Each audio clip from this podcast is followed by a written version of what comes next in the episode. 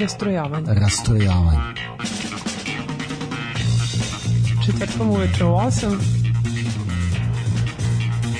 Uglavnom uživo. Rastrojavanje.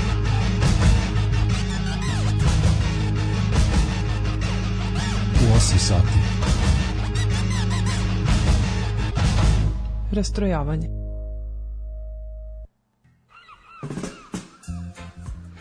Dobro večer, dobrodošli, evo nas ponovo četvrtak, e, koji je danas datum? 14. nije, nije, da, četvrti, 11. E, dobro večer, znači četvrtak 11.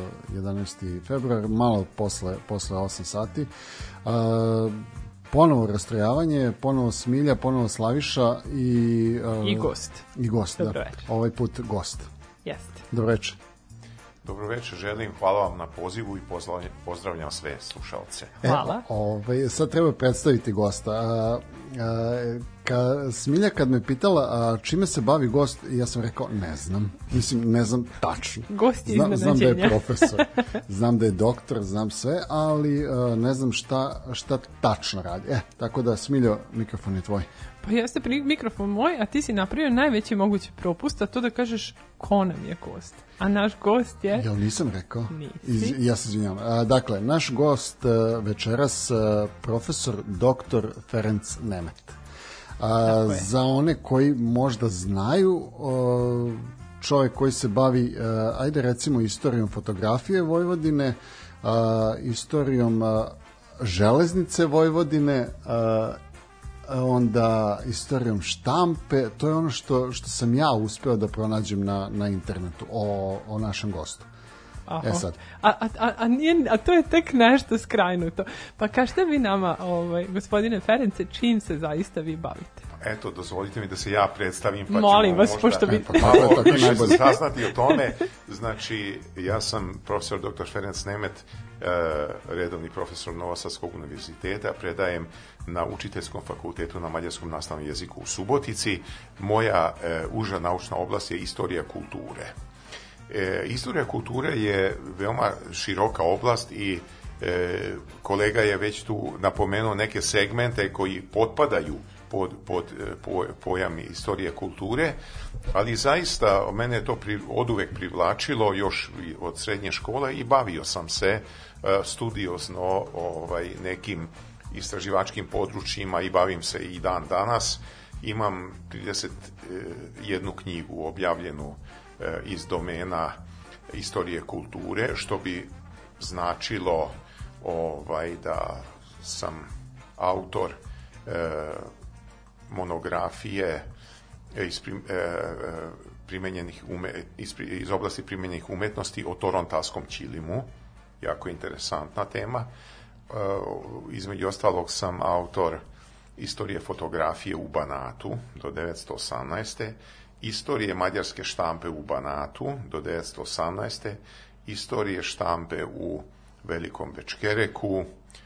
Eh, imam jednu monografiju o eh, slikarstvu i slikarskim školama u Velikom Bečkerku Zrenjaninu i još dosta knjiga vezanih za prvi svetski rat e, i za, za druge interesantne teme, sad možda.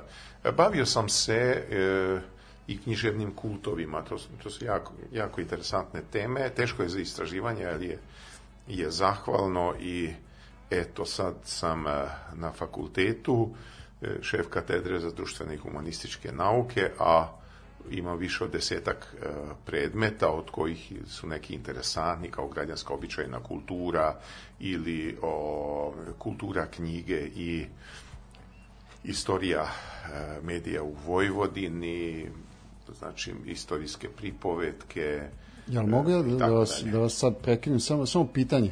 A, da li ti ispiti koje ste ove, sad pomenuli, da li oni postoje samo na vašem fakultetu, to je učiteljski, jel tako, ili, ili na još nekim... Ne, ove... Ovaj- ne postoje. E, neki, neki od tih ispita ne, ne postoje i ja sam jako ponosan e, na tu činjenicu zato što e, smo probali, e, inače treba reći da je učiteljski fakultet na mađarskom nastavnom jeziku u Subotici najmlađi fakultet, 14. E, po redu e, Novosadskog univerziteta i mi smo se trudili, pošto smo mladi u znacima navoda, da prilagodimo e, duhu 21. E, veka, da osavremenimo E, naše predmete. Ja sad govorim u svoje ime, meni je bilo e, veoma stalo do toga da moji predmeti ne zvuče i ne budu e, predmeti iz 19. veka ni po stilu, ni, ni po sadržaju, već da budu primereni interesovanju e, današnje e, omladine, današnj, e, današnjih studenta, pa sam tako unazad nekoliko godina, mogu se pohvaliti da sam vodio i ovaj, istraživačke grupe, znači kad vidim da je neko talentovan za istoriju kulture, onda smo se organizovali, pa sam posebno sam se bavio sa tim studentima koji su opredeljeni bili za, za istoriju kulture.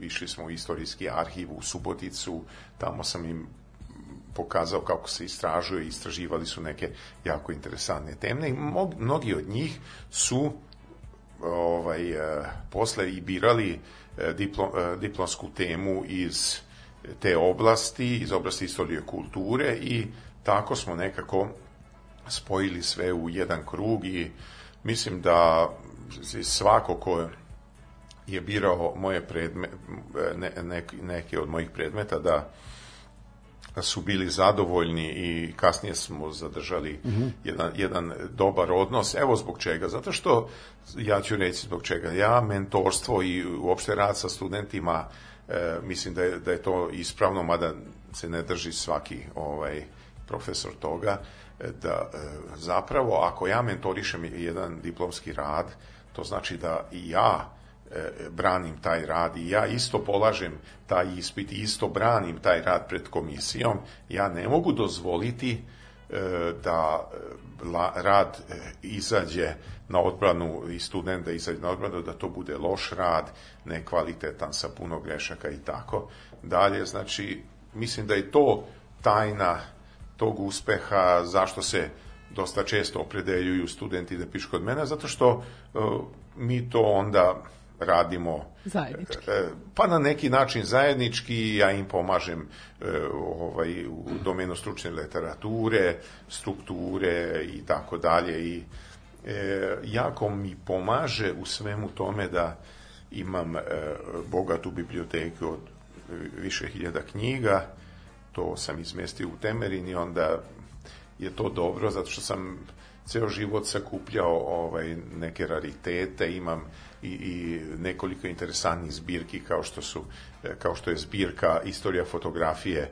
e, u Banatu, Istorija fotografije u Bačkoj, a posebno sam se bavio i to e, e iz, iz zadovoljstva sa istorijom štampe i medija. Znači, meni, meni je to puno značilo, budući da sam i svoj ovaj, e, svoj profesionalni rad započeo kao novinar, dopisnik lista Mađar So iz e, Zrenjanina pre 40 godina i eto sad e, sam dočekao i to pre godinu i po dve godine da me Rumunska akademija nauka e, me molila da e, oni imaju jedan projekat, ja sam e, E, saradnik na tom projektu, a to je e, enciklopedija Banata na mhm. rumunskom i e, nisu našli nikog drugog da obradi štampu, istoriju štampe u, u našem delu Banata.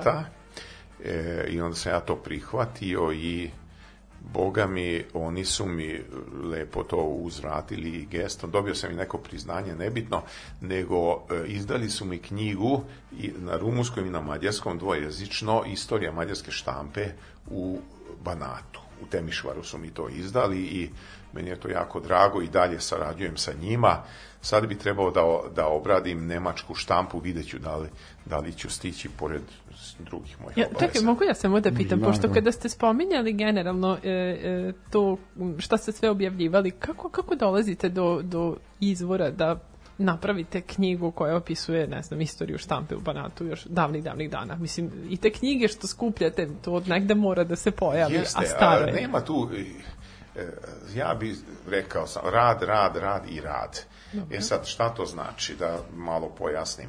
Ovaj, ja sam još u srednjoj školi e, bio član istorijske sekcije i e, naš profesor nas je e, ovaj, nekako animirao da svi napravimo po jedan rad i onda taj rad na toj sekciji pročitamo. Ja sam napisao o mom rodnom selu Boki, jedan rad 970. ili 71. I odmah nakon toga E, e, je bila prilika, pošto se sređivao e, e, sređivala bibliotečka građa istorijskog arhiva u Zrenjaninu, nas su angažovali kao ljubitelje istorije da idemo da pomažemo sređivanju biblioteke. Mm -hmm. I o, to je bio jedan čaroban svet tamo, e, te stare knjige, stari dokumenti i sve i tu sam se zarazio što bi rekli i onda e, je se to nastavilo e, nezavisno od toga što sam ja radio kao novinar i, i, ovaj, i karijera moja išla u tom pravcu, ali to mi je puno pomoglo zato što e, me ovaj, ono što, što je bilo e, bio najveći benefit od, od tog novinarstva, da sam naučio i da pišem ovaj e, jasno, koncizno i brzo. Aha. E sad, mnoge moje kolege i prijatelji kažu, jao, pa lepo pričaju sve, a kad treba nešto napisati, jo, kako mhm. sad to treba dva dana da... A, ja, a e, zato što nisu imali tu novinarsku školu, kad vas pošalju na zadatak i morate da se vratite u roku od pola sata Aha, i da lepo. predate šta se I da predate i tu jasno. nema šta.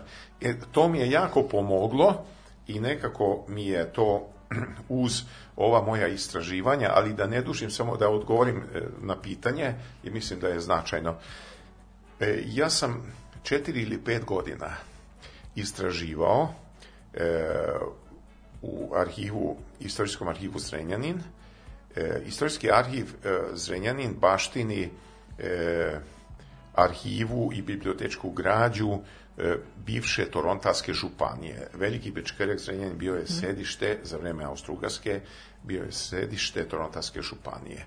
Jako bogata građa postoji tamo i od periodike i sve i tamo sam e, ovaj lista ovadio podatke iz dnevne štampe iz Nemačke, e, dnevne štampe iz Mađarske, dnevne štampe iz Srpske. Mislim, nisam imao tih jezičkih problema i to mi je značila prednost, e, značio prednost. Međutim, e, ja to uvek napominjem kad me pitaju da ja se pet godina nisam usudio da napišem bilo šta iz istorije Zrenjanina, a imao sam puno istraživanja, jer e, mislio sam da možda neko ima više podataka pa da tu ne bi sad ja tu ispao ono ali skromnost pre svega ne ne samo skromnost nego nisam bio Opa, toliko siguran Opa, ne nije ne radi nego i e, kako se to nastavilo to e, jedna vrata otvaraju druga vrata znači e, ako počnete sada da E, iščitavate e, dnevni e, list Torontal koji je izlazio 73 godine od 872. Mhm. do 1944. do 2. oktobra imate hroniku istorijskih događaja čitavog Banata čitavog Banata isto i Vohemblat iz ranijih perioda od 50, 851. pa do 918. 19. I to je bio nepresušan izvor, zlatni rudnik za zabičajne teme. Međutim, radilo se o tome da e, obično istraživači, ja bih rekao ovaj, ljubitelji istorije zavičajno, oni dođu, pa ja treba sad jedan diplomski rad, pa dajte nešto brzo što možemo. Tu nema brzo. Da, da, da. Tu nema, evo, 40 godina. Tu zahteva ja radim, sistematičnost. Ali zato, tu treba sistematično, tačno.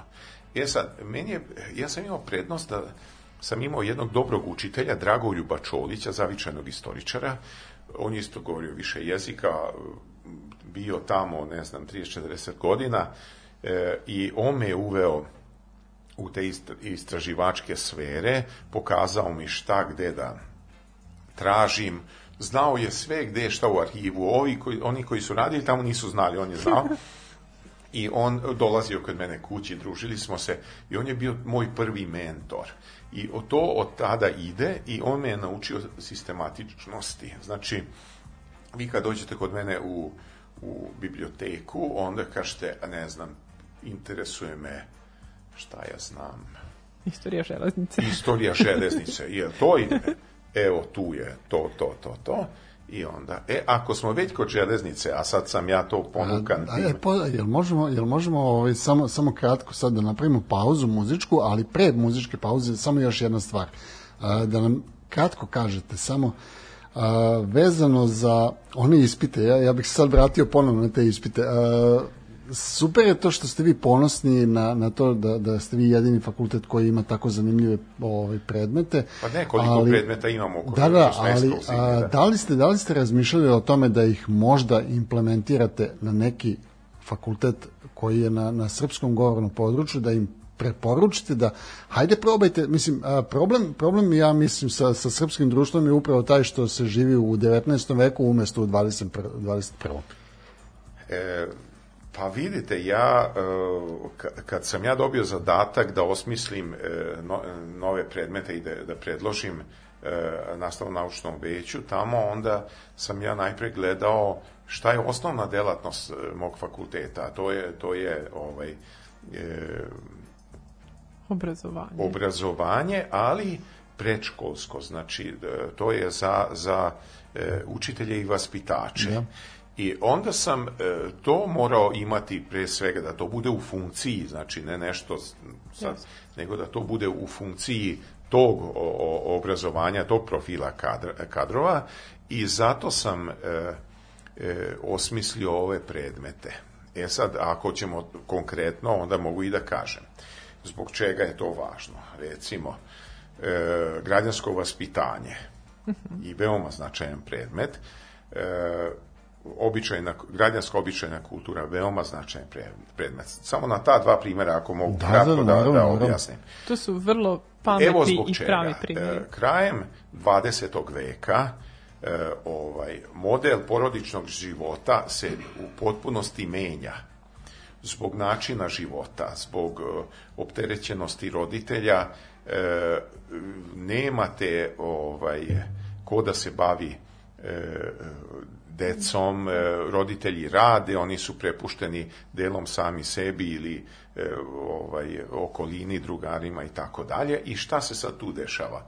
Zbog e, toga što je taj model življenja, porodičnog življenja, koji je bio do, ne znam, 60. i 70. godina prošlog veka, pošto to pri kraju već se transformisao i, da ne kažem, izvitoperio, e, nemate više dva stuba kao nosioca ovaj e, e O, obrazovanja deteta. Aha. Jer uvek se govorilo i u, ovaj, u, u e, e istoriji e, pedagogije uvek, uvek se ističe e, ovaj, jedan stub je, mhm. je porodica, drugi stub je škola. Uh mhm. -huh. E sad, taj prvi stup je sad već jako labav, po meni se već polako izgubio, e, to je e, porodično vaspitanje, znači šta dete nosi sa sobom u školi kad, u školu kad e, pođe ili e, šta, e, ovaj, šta će učiteljica e, moći s njim da uradi. Mm. E sad, zbog toga, e, imajući to u vidu, e, smatrao sam važnim ovaj, građansku običajnu kulturu, jer u okviru tog predmeta, sad i to malo da bude interesantnije da pojasnimo, tu e, učimo sve ono, to jest e, predajemo sve ono što je u biti, u srži građanske e, ideologije, e, građanskog vaspitanja, a što e, dete nije moglo da pokupi Eh, iz porodice i da, no, eh, da nosi sa sobom eh, u školu. Zato što nije bilo ko da ga nauči kako da, da, da, treba da se javi, da prvo treba da kuca, da kaže dobar, da kako da oslovljava starije. E, to nije, nije, nemojte da poistovetite sa bontonom. Bonton je mhm. nešto drugo, da, da, da. ali... O, Osnovno vaspitanje, recimo. Mislim... Ne, ali hoću da kažem da e, ne učimo mi njih kroz ovo samo e, lepom ponašanju, nego znači e, gradimo njihov karakter, da oni kad odrastu onda budu e, ovaj, e, članovi ovog istog građanskog društva i sad već 300 godina živimo u građanskom društvu da. e, i moramo, znači, ako vi hoćete živjeti u građanskom društvu, onda morate da se pridržavate pravila e, e, građanskog društva. Ako ne, vas, vas je društvo da skrajnje. E, neće uopšte da, sa vama da se bave ako ste problematični, ako uvek nešto kontrirate ili sve to. A to dete, sad pričamo o deci, dete to mora da, da shvati da je to u njegovom interesu, da se lepo ponaša, da zna s kim, kako, šta može da radi ili ne. I tu e, za, za učitelje i vaspitače, Boga mi, e, oni su do, baš e, stavljeni na muku u tom smislu, u znacima navoda, u tom smislu da recimo sad uđe jedan mlad, ja uvek e, govorim svojim studentima, e sad vi uđete u jednu učionicu, imate 30 ili 40 đaka, mhm. vi pojma nemate ko je šta doneo od kuće, da li sa, e, o, e, imate dvoje super talentovanih ili, ili troje sa kojima posebno morate raditi jer su zapostavljeni bili zbog e, porodičnih okolnosti.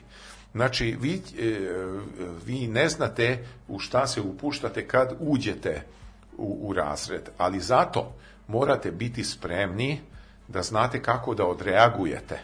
I da. znači, i, a dru, to, a drugo, da zapravo škola, vaspitači i učitelji e, preuzimaju delom upravo zbog, zbog e, te krize e, porodičnog modela življenja sa kraja prošlog veka, pre, moraju silom prilike da preuzmu obavezu i vaspitanja. Jer uvek smo, ranije smo govorili ništa vaspitanje, pa eno, kući, eno, roditelji, pa će od roditelja naučiti i ovo i ono i ne znam ja šta. E sad, to se sve e, e više gubi. E, ulogu, e, tu izgubljenu ulogu, e, donekle nadomeš, e, nadomešćuje ovaj internet, sve ono što, što možete i te elektronske komunikacije i zapravo se svodi na to da E, se dete ako ostane kući samo on, on će se nekako informisati kako zna i ume preko interneta drugo je pitanje da li je to tako dobro ili nije uvek treba neko da kaže e ovo nije u redu ovo je u redu znači a nema te osobe i onda sad silom prilike sad u, naši studenti koji će sutra e, dobiti jedan razred e, oni moraju biti spremni i moraju da znaju, ne, ne možemo mi njih lagati, moraju da, moraju da znaju da će se suočiti i sa tom vaspitnom ulogom. Ne samo sa tim da će e, ovaj, morati da izdeklamuju ovaj, neke e, elemente ovaj, e, nekog predmeta ili, ili nešto, nego moraju i, i, i tu vaspitnu ulogu. E, kod, kod te vaspitne uloge je važna ta građanska običajna kultura. Znači kako, da. jer, jer kroz taj predmet ja eh, uvek objašnjavam studentima šta je ono što treba. I ako vi znate šta je ono što treba, možete vi odstupiti od toga, ali i onda ćete znati, aha, to nije bilo u redu, ja nisam to tako e, radio kako treba, ali bar znam to, a mnogi rade pogrešno i ne znaju. Imaće smernice jednostavno. Imaće kako, smernice, kako treba da, raditi, da. Da, jer e, ja sam im, e, ja sam baš prošli put sam nešto govorio o tome da doći će dete i da, će da pita učiteljice kako sad ja ovaj ne znam, kako ja da oslovim nekoga ili da li mogu ili šta, kak, e, znači, učiteljica preuzima ulogu delom i roditelja. I da. to, to je, ne, ne kritikujem ja sad, mislim, to je društveni proces, to je jedna šira tema, ja ne govorim o tome, nego govorim o tome da o, o praktičnom delovanju ja sam kroz te nove forme i oblike mogao. I, e, i to mislim na građansko običajnu kulturu. Zna, za građansko vaspitanje e, ima jako interesantnih, ja bih rekao, igara. Ajde to još malo da pojasnimo. E, to su, recimo, igre koje možete e, raditi zajedno sa e, ovaj, nižim uzrastom. E, to su, recimo, igre spretnosti, e, igre e, samospoznaje, da. e, o, igre poverenja, mhm. Znači, sve ono što hoćete da razvijete kod, kod ma, mlade osobe kao karakternu crtu, da. to možete da napravite kroz tematske igre. I e, ceo, celo bavljenje e, tokom semestra, celo bavljenje time, e, tim predmetom se e, uglavnom svodi na savladavanju i upoznavanju e, ovaj studenata koji će to sutra već moći da i primenjuju u praksi, da, da oni svate recimo kako da, izbegnu, da, da reše i izbegavaju konflikte među učenicima. To je jedan od naj zahtevnijih stvari. E, uđe učiteljica, ima 40 ovaj, ili 20 ili već koliko e, učenika, dvoje, troje se potuku, treći viče, ne znam Nadalje. šta radi. Šta onda činiti? Šta činiti? I onda tu dolazi pedagogija kao nauka e, sa pomoćnim naukama, ne znam, školske psihologije i još drugih nekih interdisciplinarnih naučnih oblasti e, i e, stvorena je recimo, postoji čitava metoda E, prevazilaženja izbegavanja konfliktnih situacija. Mi to učimo, ovaj, prenosimo to studentima, da bi oni stekli jednu sigurnost da ako se suoče s tim u praksi, onda mogu to, znači da ta spirala ne ide prema gore nego prema dole, to je, ja e, ispitu, kad ispitujemo, onda e, bude pitanje iz, iz te oblasti. Ovaj, Slušajte pažljivo. E, iz te oblasti. Pa evo, kod, kod konflikta je, e, sve se svodi na šta. E, neko je nekome uzeo olovku. Znači, neko je povređen i drugi je sad ljut. I sad se posvađaju. Kako vi sad da smirite? I može to i odrasli, mislim, nije konflikt je konflikt. I to uvek bude da se neko oseti da je oštećen, da mu neš, nekomu je nešto zakinuo, a ovaj drugi opet misli drugačije. I sad to ako se na vreme na, na e, neki e, e kako da kažem na, naučni u znacima navoda način kroz, kroz adekvatne metode e, ovaj, e, snižavanja, mi tako kažemo, ovaj, e, te konfliktne spirale, da konflikt ne eskalira prema gore nego prema dole. E sad tu treba jako puno ovaj e, energije uložiti jer kad smo emotivni onda viče jedan viče drugi pa se na kraju potuke. E sad tu e, postoje ajde da kažem ovaj narodski neke cake Znači, postoje tačno, tačan redosled i upustvo kako možemo mi da postignemo kroz te tehnike verbalne komunikacije da smirimo tu situaciju, da smirimo loptu i onda smo već praktično i rešili. I to, to je sve ono što čeka jednog mladog pedagoga i moramo ih u tome obučiti, opremiti, da se ne uplaše kad se sretnu mm -hmm. sa mhm. time u praksi. Oni će sutra već stati tamo i onda, ili da ne bude ono da se krste kao ja idem sad moram ući u razred, šta ću ja sada da, da, da, tamo da. već čujem da je A tamo već problem. Verujem, verujem da ste vi tu o, zapravo da im a, nekako na neki način ulijete početno znanje, kasnije kroz, kroz recimo empiriju to dolazi samo, jel, jel tako? Mislim, ja, ja tako Evo, od ovih, zamišljam. što sam rekao, igara, ali, ali to su, to su osmišljene ovaj, e, e, pedagoške funkcije tu prisutne, znači nisu samo ono igram, igramo se, recimo, ovaj, e, postoje jako interesantne igre, recimo poverenja ili bilo e, šta drugog, i ako imate eksces u, u, u, razredu. u razredu, onda znajući onda možete da preseđete, pa kažete, deco, nemojte sad, hoće da igramo jednu, jednu interesantnu igru, hoćete da, da to. Da, Aj sad 10 minuta ćemo to da igramo. Kako I već rečenje. ste, već ste skrenuli taj tok i u jednom boljem pravcu i kroz 10 minuta se vratite i da. idete dalje. Ona, ona je to koji vam odgovara.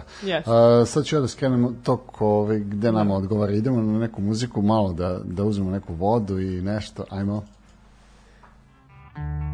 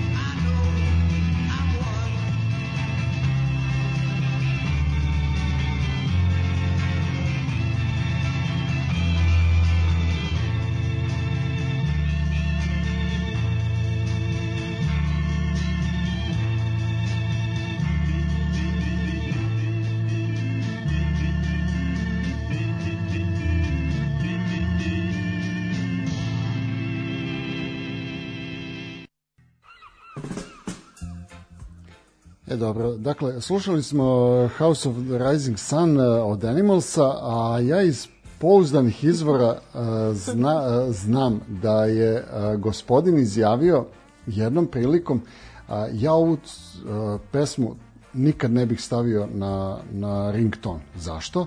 Zato što se nikad ne bih javio. Pustio bih je večito da svira. Je li to istina?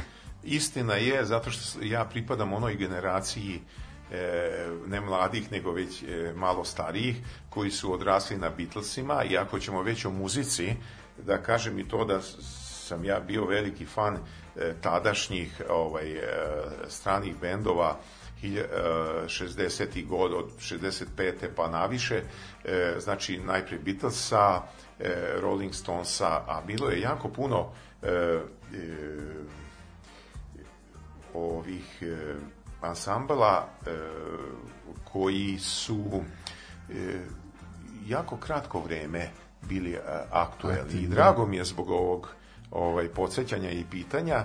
E, tako recimo, tako su bili Seekersi najpre, e, ovaj, imali su malu singlicu, pa su postali New Seekersi, pa je Hermans Hermits bio, pa Monkeys, pa, pa Small Faces i, i razne druge grupe. E, e mis, ja sam odrastao u tome, e, imali smo, hvala Bogu, dosta ploča, a onda smo slušali na radiju, a čekali da neko iz inostranstva donese e, neku ploču Beatlesa i to smo čuvali kao oko oči u glavi i ja sam, mogu da kažem da sam odrastao na tome, i mm, ja i dan danas lovim neke ovaj radio stanice koje još puštaju jer imate radio stanice ne znam e, puštaju muziku 70-ih, 80-ih, 90-ih.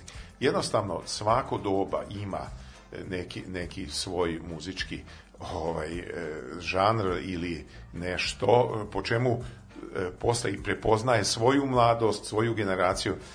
meni, ono što mi je interesantno, samo još ako mogu jako Naravno. kratko na tu Naravno. temu, ovaj, recimo, e, kad su e, krenuli Beatlesi i svi ostali, onda su i naši tu krenuli, pa su razni visovi bili, vokalno-instrumentalni sastav i onda da. vis ovo, vis ono, e, to smo ovaj, slušali i gledali.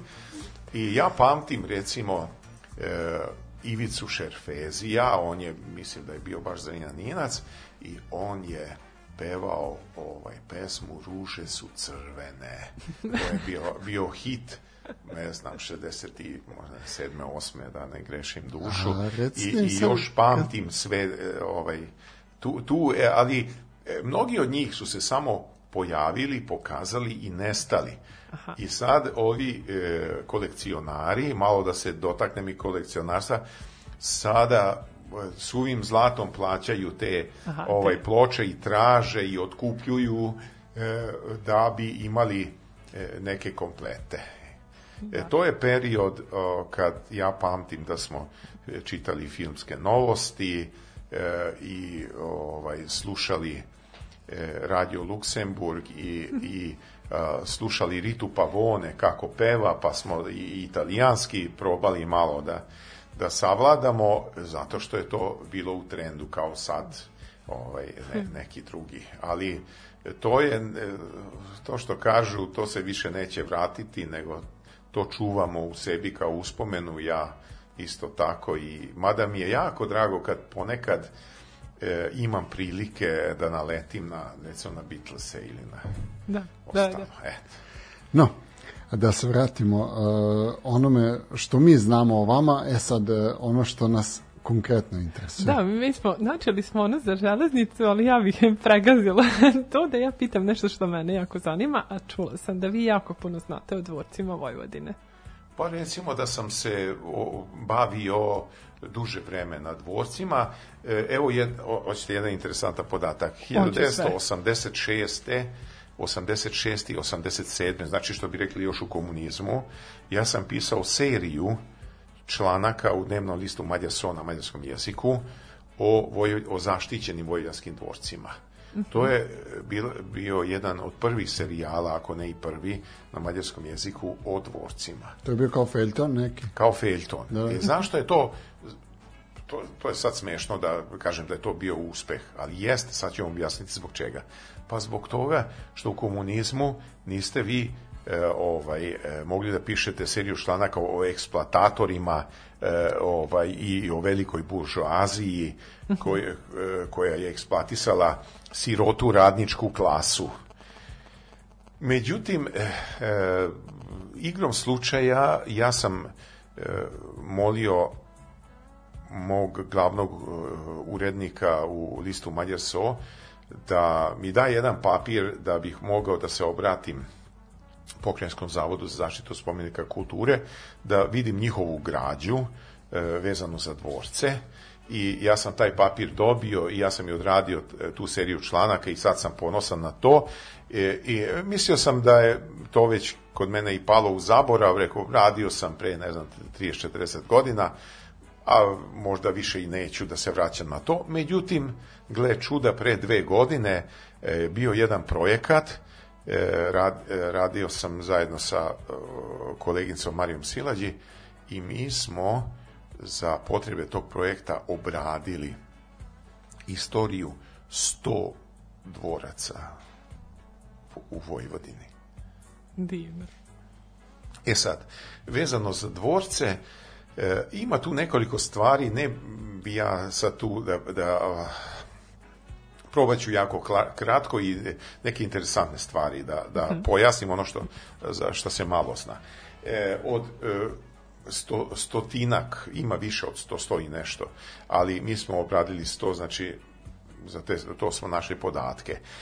E, kod dvoraca imate ovako, imate dvorce e, koji su pod zaštitom i dvorce koji nisu pod zaštitom. Od tih 100 dvoraca mhm. e, svega 30 je stavljeno pod zaštitu.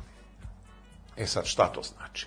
Stavljanje pod zaštitu znači da je e, znači e, oblasni zavod koji e, zavodi za zaštitu spomenika kulture su podeljeni kao i muzeji pokrivaju određene oblasti. E, imate pokrajinski, ali imate i ovaj regionalne gradske, e, opštinske, gradske, da. opštinske i svi imaju svoj delokrug grada šta oni moraju da. E sad e, oni ako uoče jednu e, vrednu arhitektonsku celinu ili jedan e, e, izuzetan objekat e, onda e, se neko odredi da napravi takozvani ovaj e, predlog za zaštitu. To je jedan dokument važan u kome e, ta stručna osoba, obično bude arhitekta, mora da e, istraži e, e,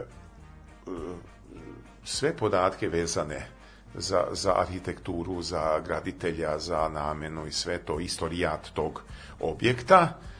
I ako proceni da e, je to sa društvenog aspekta vredno da se stavi pod zaštitu, jer je tamo, ne znam, boravio neko od, od viđenih ljudi ili je ovaj nešto važno e, uradio. nešto važno se desilo ili ili je po, ovaj vlasnik dvorca bio izuzetna osoba tada se podnosi predlog za zaštitu i o, e, predlog se ili usvaja ili odbija već kako to stručno telo proceni.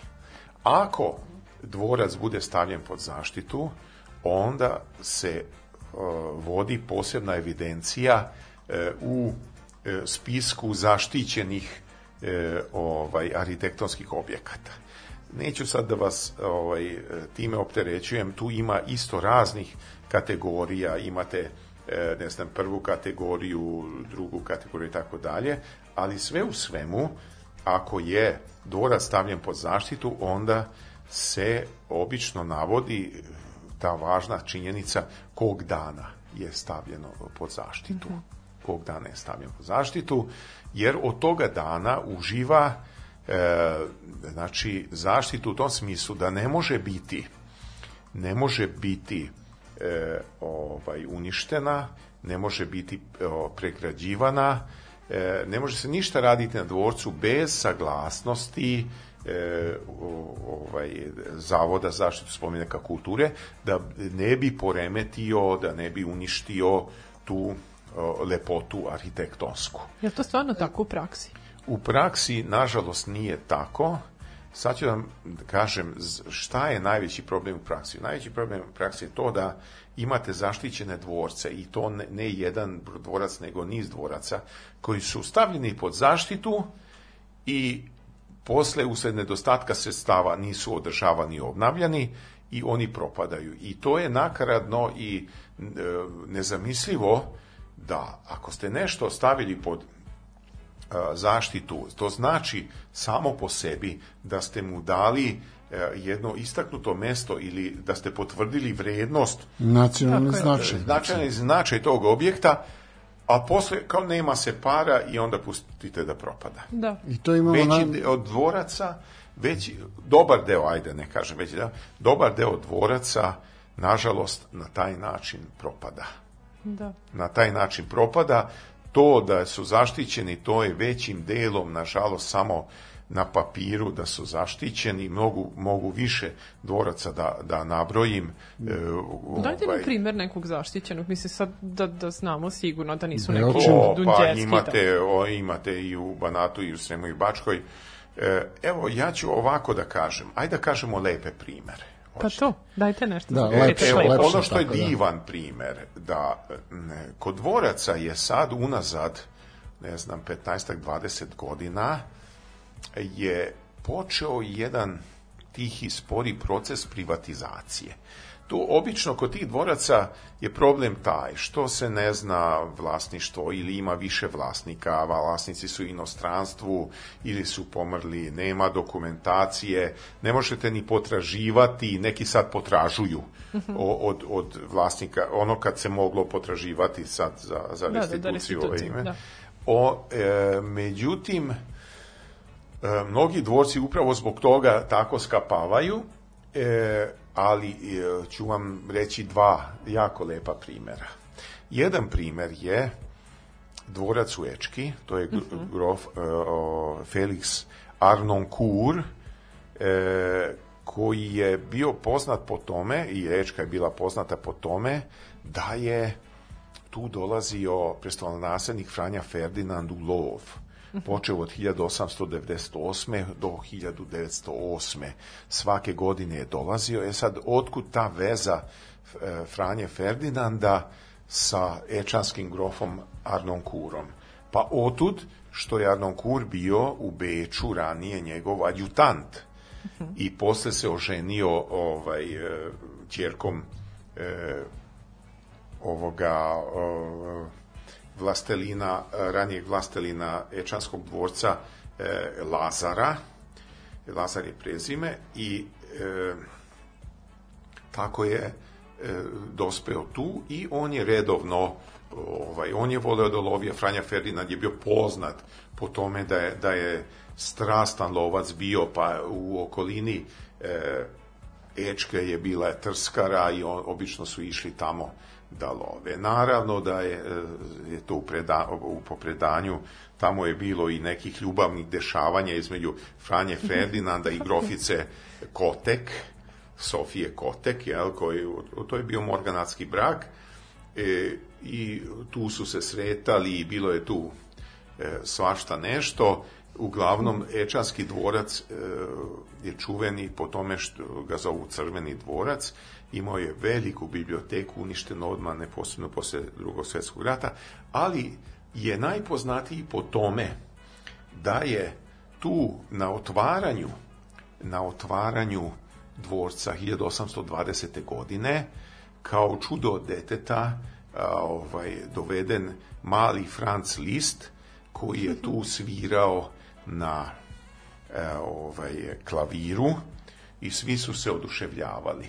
Zapravo je e, grof Esterhazi doveo ovaj, malog Fra, Franjo, Franca Lista, e, jer e, sva ova vlastela, delom iz, iz Pešte, delom iz Beča, bili su u jako dobrim odnosima sa jermenskom porodicom Lazar. Lazar je jermenska porodica bila. Uh mhm. -huh. Sad ću vam ispričati u čemu je tu o, bila poenta. Poenta je bila u tome da e, jer sad bi neko pitao otkud sad ovaj eminentni ovaj e, visoki činovnici e, Beča i Pešte da, da dođu ovde, jedva su i stigli jer nije bilo ni puteva, još to je prva polovina da. 19. veka, otkud se oni nadjoše ovde e, uopšte šta u ovom blatu, ovaj, u, u blatnjavom banatu, ne.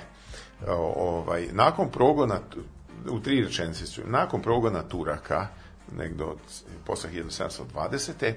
E, Banat je bio pust, opustošen, razbežali se, mhm. stanovništvo se razbežalo.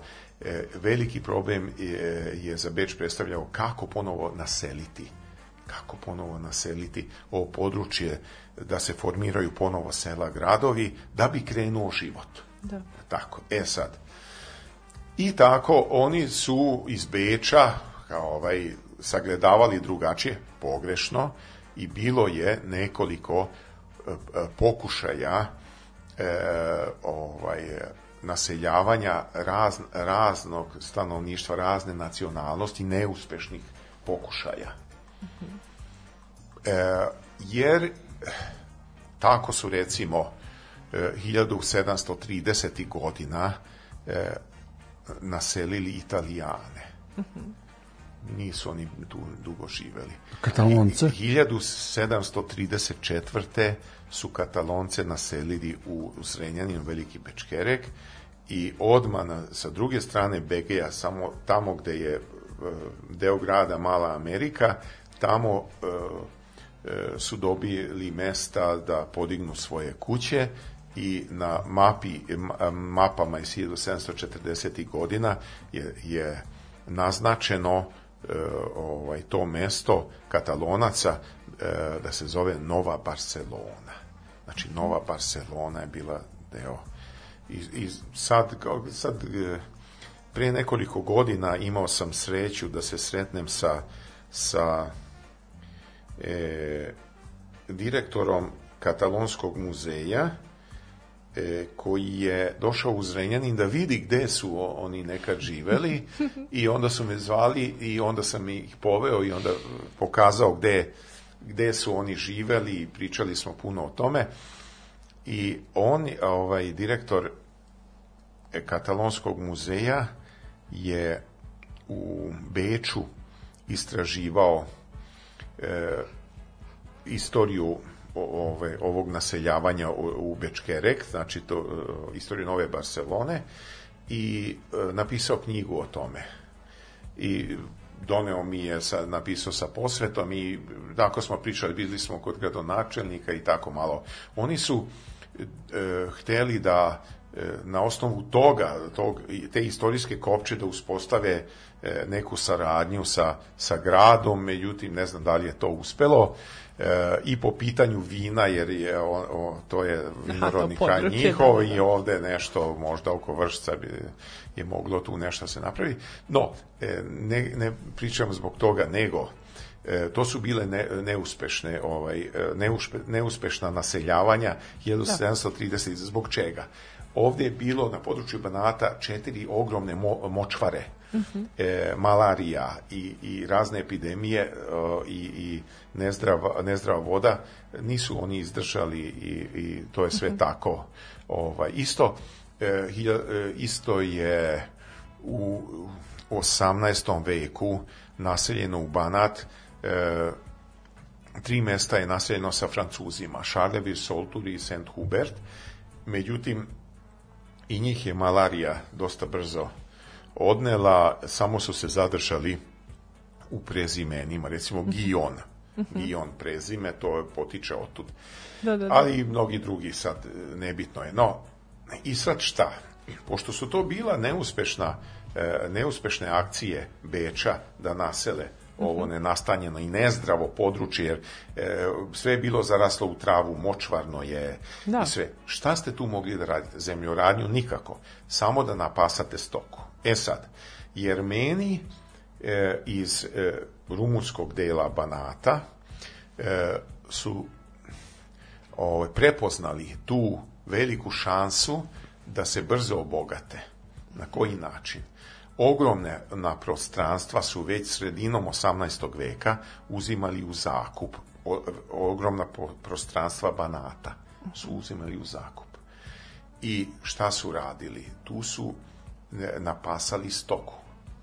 Napasali stoku i u turnusima isporučivali Beču e, ovaj, e, voj, vojsku su ovaj, snabdevali sa mesom, sa kvalitetnim mesom.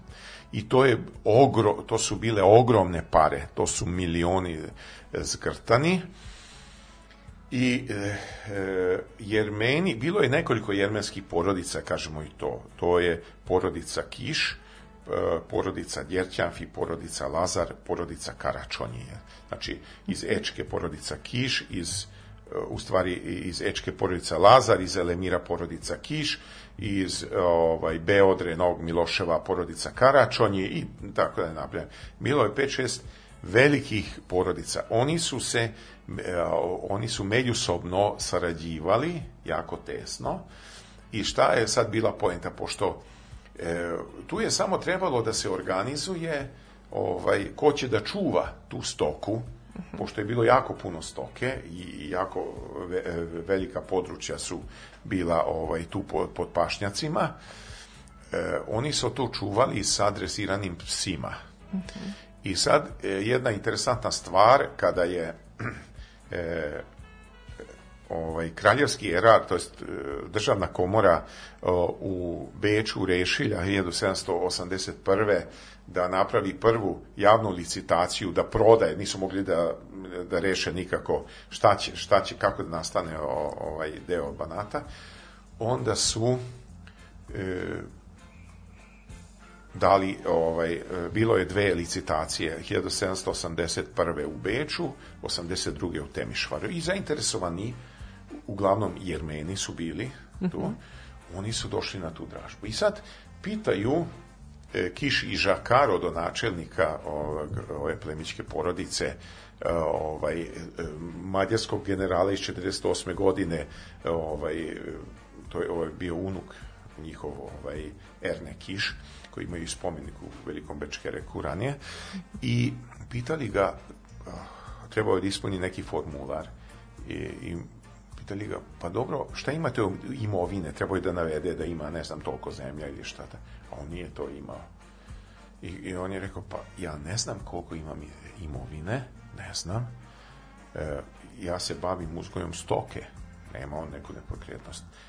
Ali znam, i to je ostalo kao da se prepričava, ali znam samo da e, imam toliko stoke da 11.000 pasa čuva moju stoku.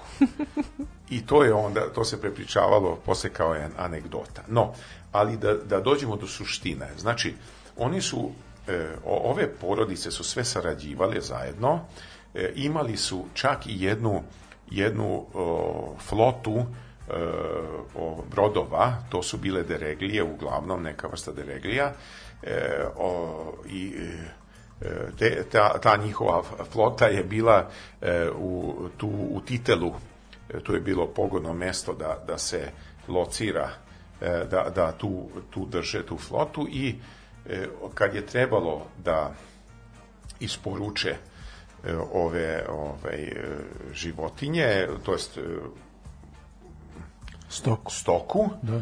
onda e, su e, dovezli te dereglije e, i tamo natovarili i od, otplovili do Beča i tamo isporučili. I to je išlo sa najmanje gubitaka. Znači, da, nije da. bilo ono da teraju pešice, ne znam, stotine kilometara, ne. Da. I, I jako brzo su se obogatili. I kad je, e, i naravno, uz to da su se obogatili, Oni su se bavili i pozamljivanjem novca. Znači, Aha, znači zelenašenjem su se bavili. E sada jeste. E, e, neko reče jednom da su oni zapravo bili izmislili i e, ovaj menicu. Mhm, da su da? oni izmislili menicu, evo kako. oni imali su dva principa. Jedno je da nikad nisu pozamljivali novac u mestu ne. Aha. Znači, ne može komšija da dođe pa dajte da, da, pare. Da, da, da. Ne, ne na poznanstvo. Aha. Ne, ne, ne, nego uvek na daljinu. Drugo, e, nikad nisu nosili keš sa sobom da ne bi bili oprečkani, mislim, pametna.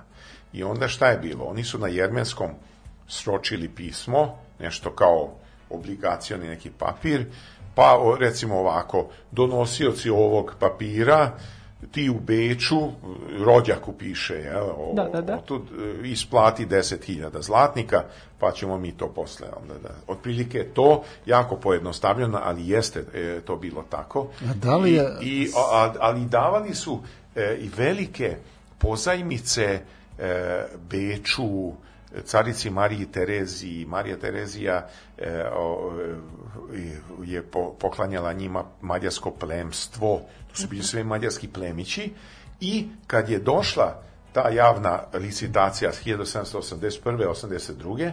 oni se pojave na licitaciji i, i, i da. ovaj kupe imanje i čak su dobili velike popuste.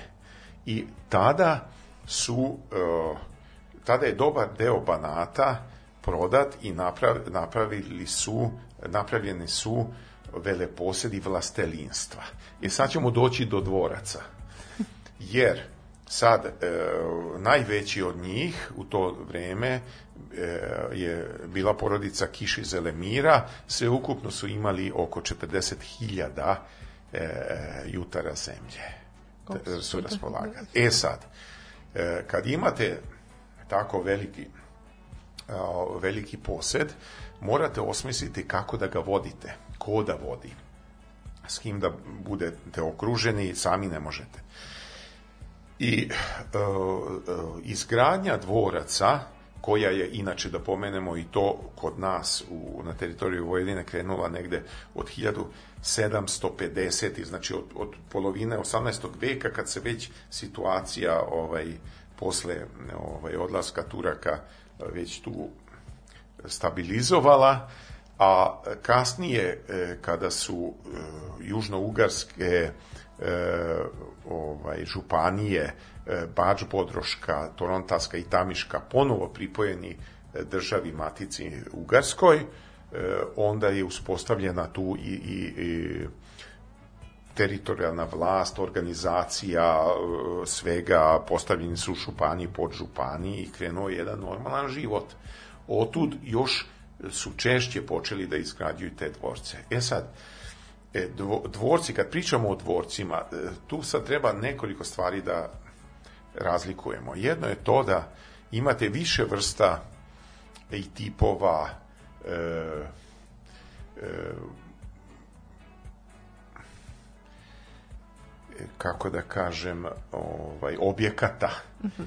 E, e, koje nazivamo dvorcima. Nisu mhm. svi isti. da, da, da. Imate, znači imate od lovačkih koliba do letnikovaca, do, do klasičnih dvoraca, do, ne znam, ne, ne pričamo o stilovima, eh, ne pričamo o arhitektonskim stilovima o kojim su izgrađeni, tu imate od secesije do klasicizma, do klektike, sve, nego pričam o, o vrsti i nameni, nameni da. korišćenja. Da. E sad, prvobitno i ono što je najvažnije, da su dvorci, ovih stotinak dvoraca, najveći deo njih je po određenoj šemi i obrazcu bio građen, uh izgrađivan. Šta to znači? Da je e, tvorac prvenstveno kod tih porodica Lazar u Ečki i ne znam i, ima jako puno tih da ne, ne nabrajem e, najpre bio e, sedište od odakle se e, vodila a, ovaj privreda tog imanja upravljalo se s mhm. time, celim imanjem. Da, da, da. Jer mi smo sad skloni da vidimo, kaže, a ima jedan lep dvorac, eno u Beočinu, ne znam, propada, ali odlično, lepo, divno da. se, se. Jo, pa tamo je dvorac i sve. A ne, to je sve bilo u funkciji. Znači, obično je bilo ili sa kraja ili u sredini e, ovaj, tog vlastelinstva, od veli po, povećeg, i eh, sadržao je neke ovaj, delove koji su bili prepoznatljivi i u drugim. Znači, bio je objekat, glavni objekat koji, gde je živela porodica Vlastelinska, uh mhm. -huh. bio je o, pomoćni objekat za služinčad, znači za sluge. Da.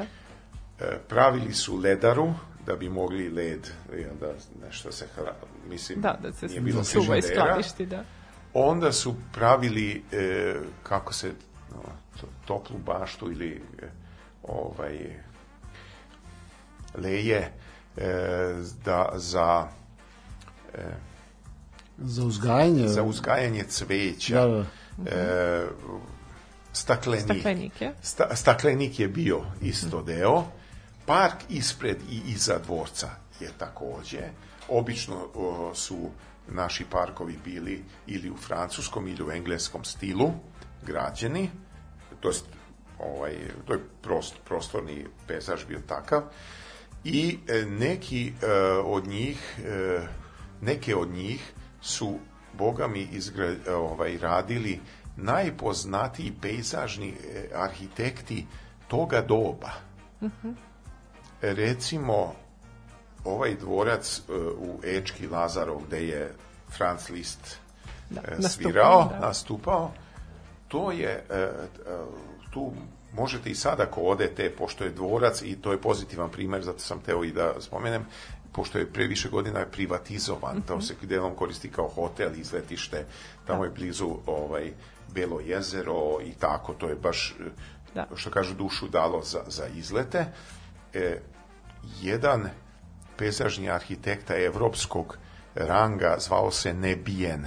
On je e, gradio ovaj park i sve osmislio kako treba, ali radio je isto i dvorac u Ečki, taj, tu pezažnu arhitekturu u dvorcu Rečki i čini mi se u Novom Kneževcu gde mhm. postoji, to je jedino mesto u Banatu gde postoji kvart dvoraca. Da, to je, to je nevjerojatno sve oko onog parka ili u, u njemu, je tako da?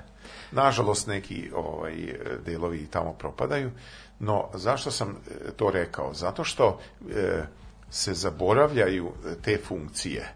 E, e, u, to, u to je spadalo e, o, pod obavezno da taj park iza dvorca, pošto je taj veći, jer prednji park i ne može biti, ako je sa ulice, ne može biti veći, da ima i jedno jezerce, da ima i e, saletlu, Aha, da, da, da. da ima mostić, da ima neke e, ovaj, mer, se, e, mermerne figure. Mhm. Tako je recimo jako lep, divan primer te pejzažne arhitekture bio nekada u čak do druge polovine 19. veka, Kišov dvorac u, u Žitištu. Mm -hmm. Na starim razglednicama se vide, vide divni ovaj, e, izvajani ženski i muški likovi, nešto neverovatno i jako, jako redke ovaj, biljke. Da.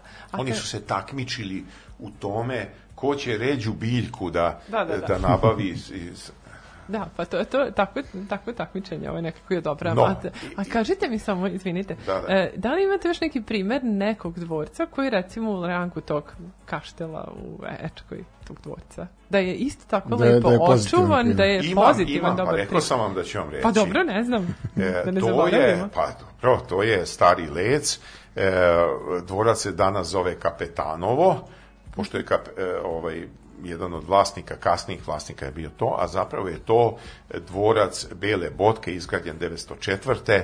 u srednjevekovnom stilu sa kulom, imate ono mislite da je ko u filmovima se, se vidi jako interesantno, ima bogatu istoriju i to je e, ova dva primera, dvorac, Ečki dvorac u Starom Lecu su dva divna primera kako može o, e, privatizacijom da se očuva sve to, jer i njih zakon i dalje obavezuje da, da, da, da, da. ne mogu da pregrađuju, ne da, da, ali je u funkciji, znači da. radi se nešto o tome. A kad već o dvorcima e, govorimo, da kažemo i to, e, Banat je nekada, e, dok je bio jedinstvena celina u, za vreme austro monarhije, e, sastojala se od i od rumunskog dela Banata, pa od našeg dela Banata pa i jedan mali deo oko, oko malog Sombora u, u južnoj Mađarskoj. Mm -hmm. To je posle 1920. na tri dela ovaj, presečeno novim državnim granicama.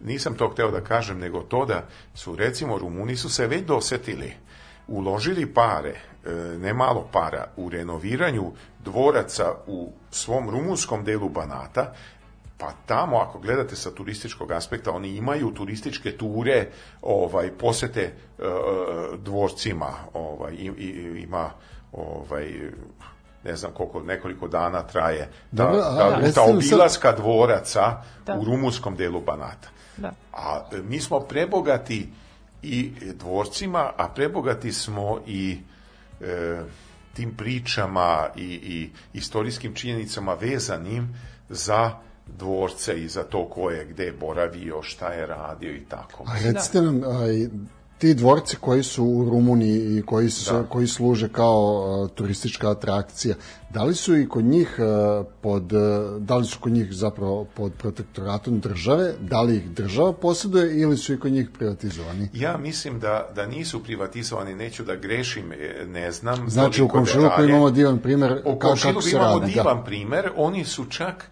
mislim, i inicirali ili su probali da iniciraju e, da se poveže e, ovaj, s jedne i s druge strane granice da se napravi jedan e, kružni tok, znači ako neko želi da ide u te dvorce, kružna onda, tura, da. da, kružnu turu da prave. Da, da, To je divno. I još nešto.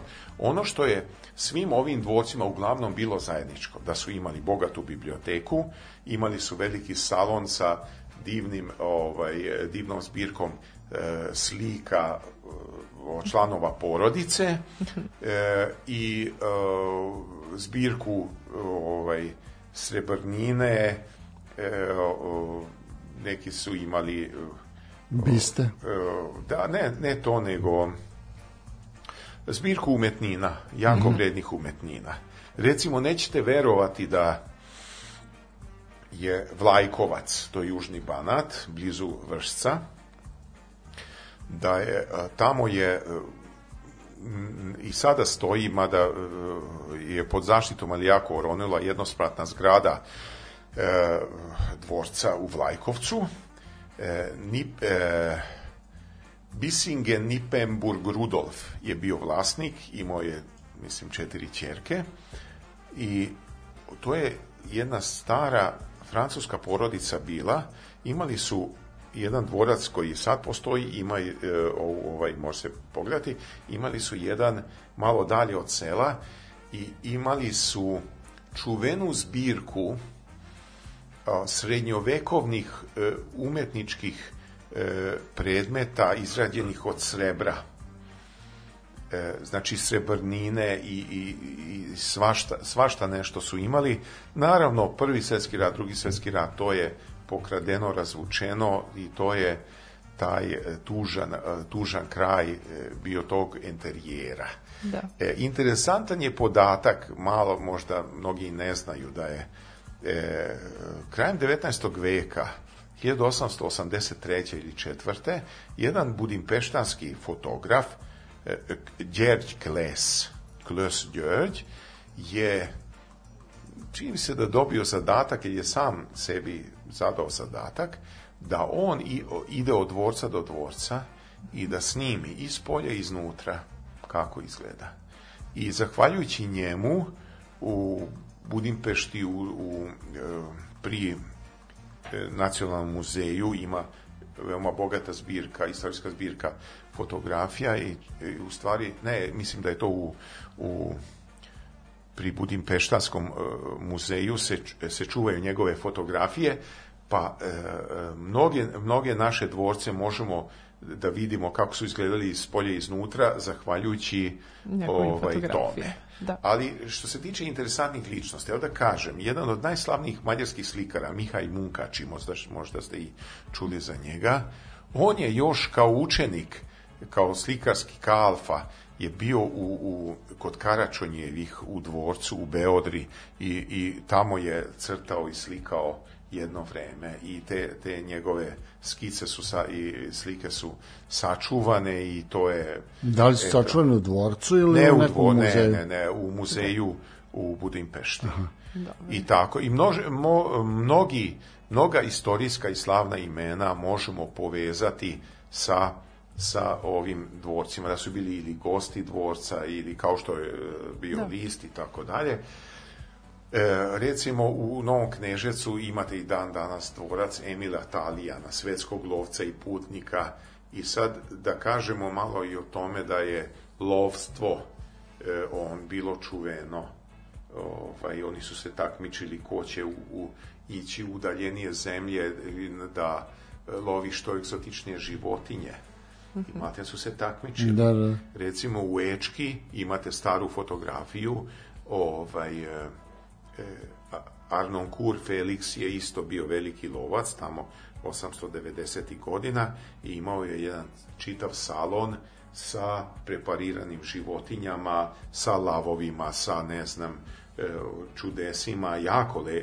jako je to bilo mm -hmm. lepo, ali najpoznatiji, najslavniji lovac, avanturista i, i svetski putnik bio je Emil Talijan.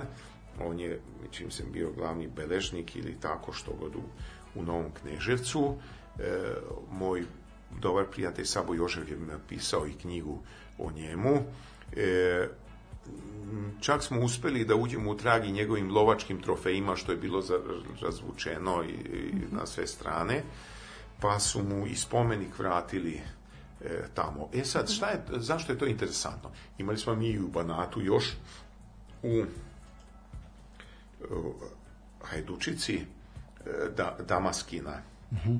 Arsenije Damaskin, je, porodica Damaskin je baštinila dvorac u Hajdučici u Stefan Sveldu i e, šta je tu bilo interesantno? Pa on je bio isto svetski lovac i putnik. On je E, ovaj, e, Emil Talijan je 906. u Novom knježevstvu štampao knjigu o, svo, o svojim do, lovačkim doživljajima u Africi, recimo.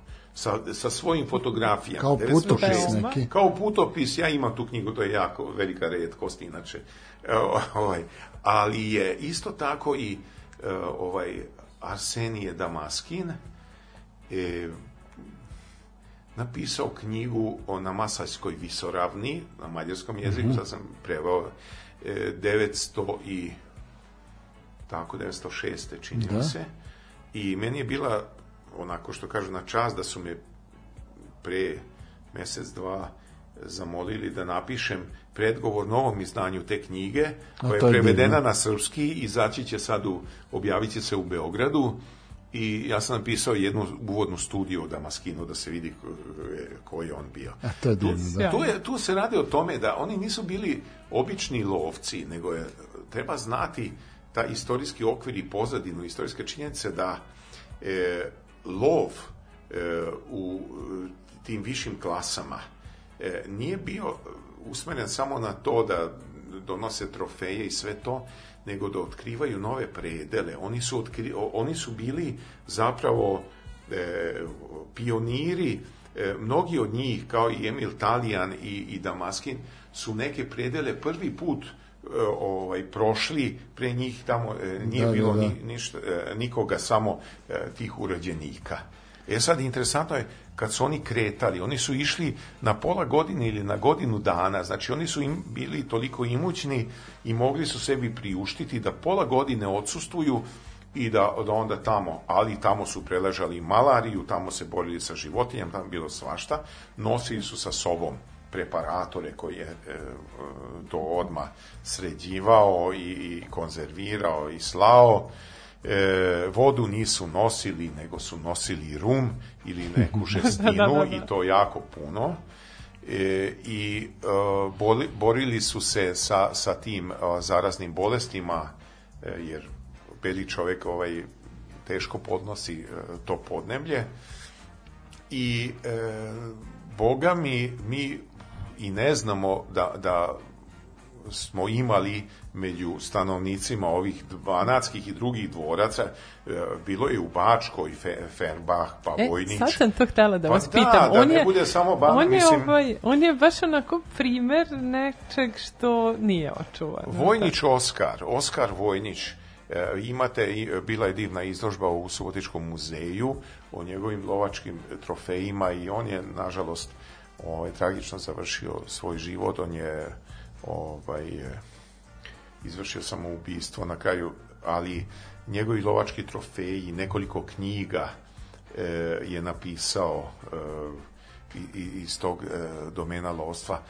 To, ako to sve sagledate, onda vidite da je među tom vlastelom da su to bili intelektualci, obrazovani, načitani, koji su na put i na lov kretali e, i svi su imali bogatu biblioteku i, i, i e, znali su tačno gde hoće da ide, idu, e, sve su izračunali, proračunali, a to nije bilo lako, zato što je trebalo mesec dana, mesec i po do dva da stigne te tamo brodom, ne znam, ovaj, železnicom, peške, kako god. Da. I, I tu imamo jedan e, sloj tih ovaj, zanesenjaka, u lov, ali, ali e, nisu ubijali ovaj, e, samo radi zabave, nego da bi pokazali neku egzotičnost e, ovdašnjem stanovništvu da, da, da. su da. doneli, jer ti dvorci su bili kao muzej. Talijanov dvorac, to su, to su dolazili pa su gledali isto ovaj, Arnon Kurov u Ečki ili ovaj Damask, Damaskinje isto ovaj, bio, bilo je više takvih, sve, sve ukupno u Vojvodini možda desetak, dvanaestak izuzetnih ljudi, obrazovanih, pametnih, eh, koji su knjige pisali o tome i sve to. I, ali posle došao prvi svetski rat i mm, da. to je sve otišlo, sve se razvuklo, e, šta je sve propalo o tome, to je pisao jedan moj kolega, mislim, to je čoveku duša da zaboli kad vidite šta je, šta je tu nekad bilo, a i šta e, sada nema. Tako je. Ja sam zato htela da pitam kada ste spomenuli taj mali Sombor, je li tako? Šta je taj Fernbachov e, dvorac u Bava Pusti? To je baš primer nečeg što je propalo, tako? E, ne samo Fernbachov dvorac, ima dosta dvoraca u Bačkoj, e, koji jednostavno ili su bili skrajnuti ili su bili van sela, pa su onda počeli da kradu ovaj, došao je prvi svjetski rat, pa nacionalizacija, pa su e, prvi udarac e, je e, bilo to da su na, ovaj zemlju podelili e, e, i ostavili neki minimum, mislim da je da i grof Čekonić koji je bio isto jedan od najbogatijih banskih veleposednika i njemu su ostavljeno 500 hektara i tako znači To je zadao prvi udarac, mnogi su e, onda ili e, o, prodali sve i otišli za, za Mađarsku, neki nisu, neki su ostali, ali drugi svetski rat je onda to, to totalno ovaj, e, do, dokrajčio, da tako kažem, i šta se onda desilo? Desilo se to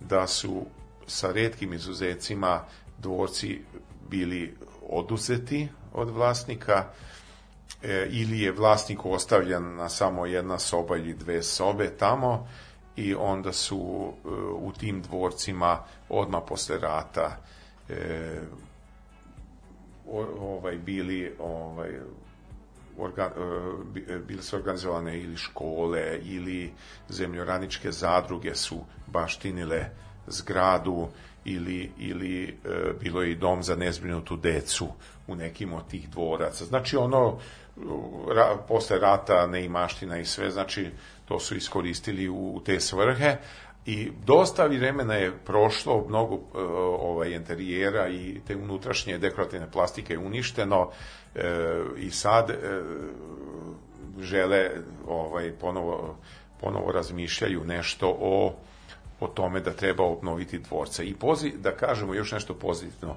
Mislim da je jučerašnji, pre dan ili dva je bilo ovaj, to u medijima da se negde u Beogradu ovaj, razgovaralo na tu temu obnove starih ovaj, dvoraca i, i vrednih zgrada u Srbiji i tu se spominje 118 ili 19 zgrada koje bi trebalo sad, to je sve jedna potencijalna vrednost ako se stavi u funkciju. I sad e, je krenula ta priča i, i razgovori o tome e, šta bi trebalo obnoviti koliko e, u šta bi trebalo najpre i tako dalje, jer mnogi su već toliko devastirani da je jako teško tu nešto raditi. Ovo što sam spominjao za, za Beočin recimo taj ovaj špicer, dvorac, da. špicer pa tamo su snimane serije, da. filmovi da. i tako, tako da. dalje, sada ne ovaj detaljišemo pa imamo Mi, imamo mi još jedan primer ovaj e,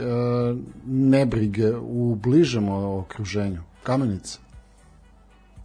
Je li tako? Pa imamo, Kamenica je e, jako interesantna zbog toga što je Kamenica zapravo e,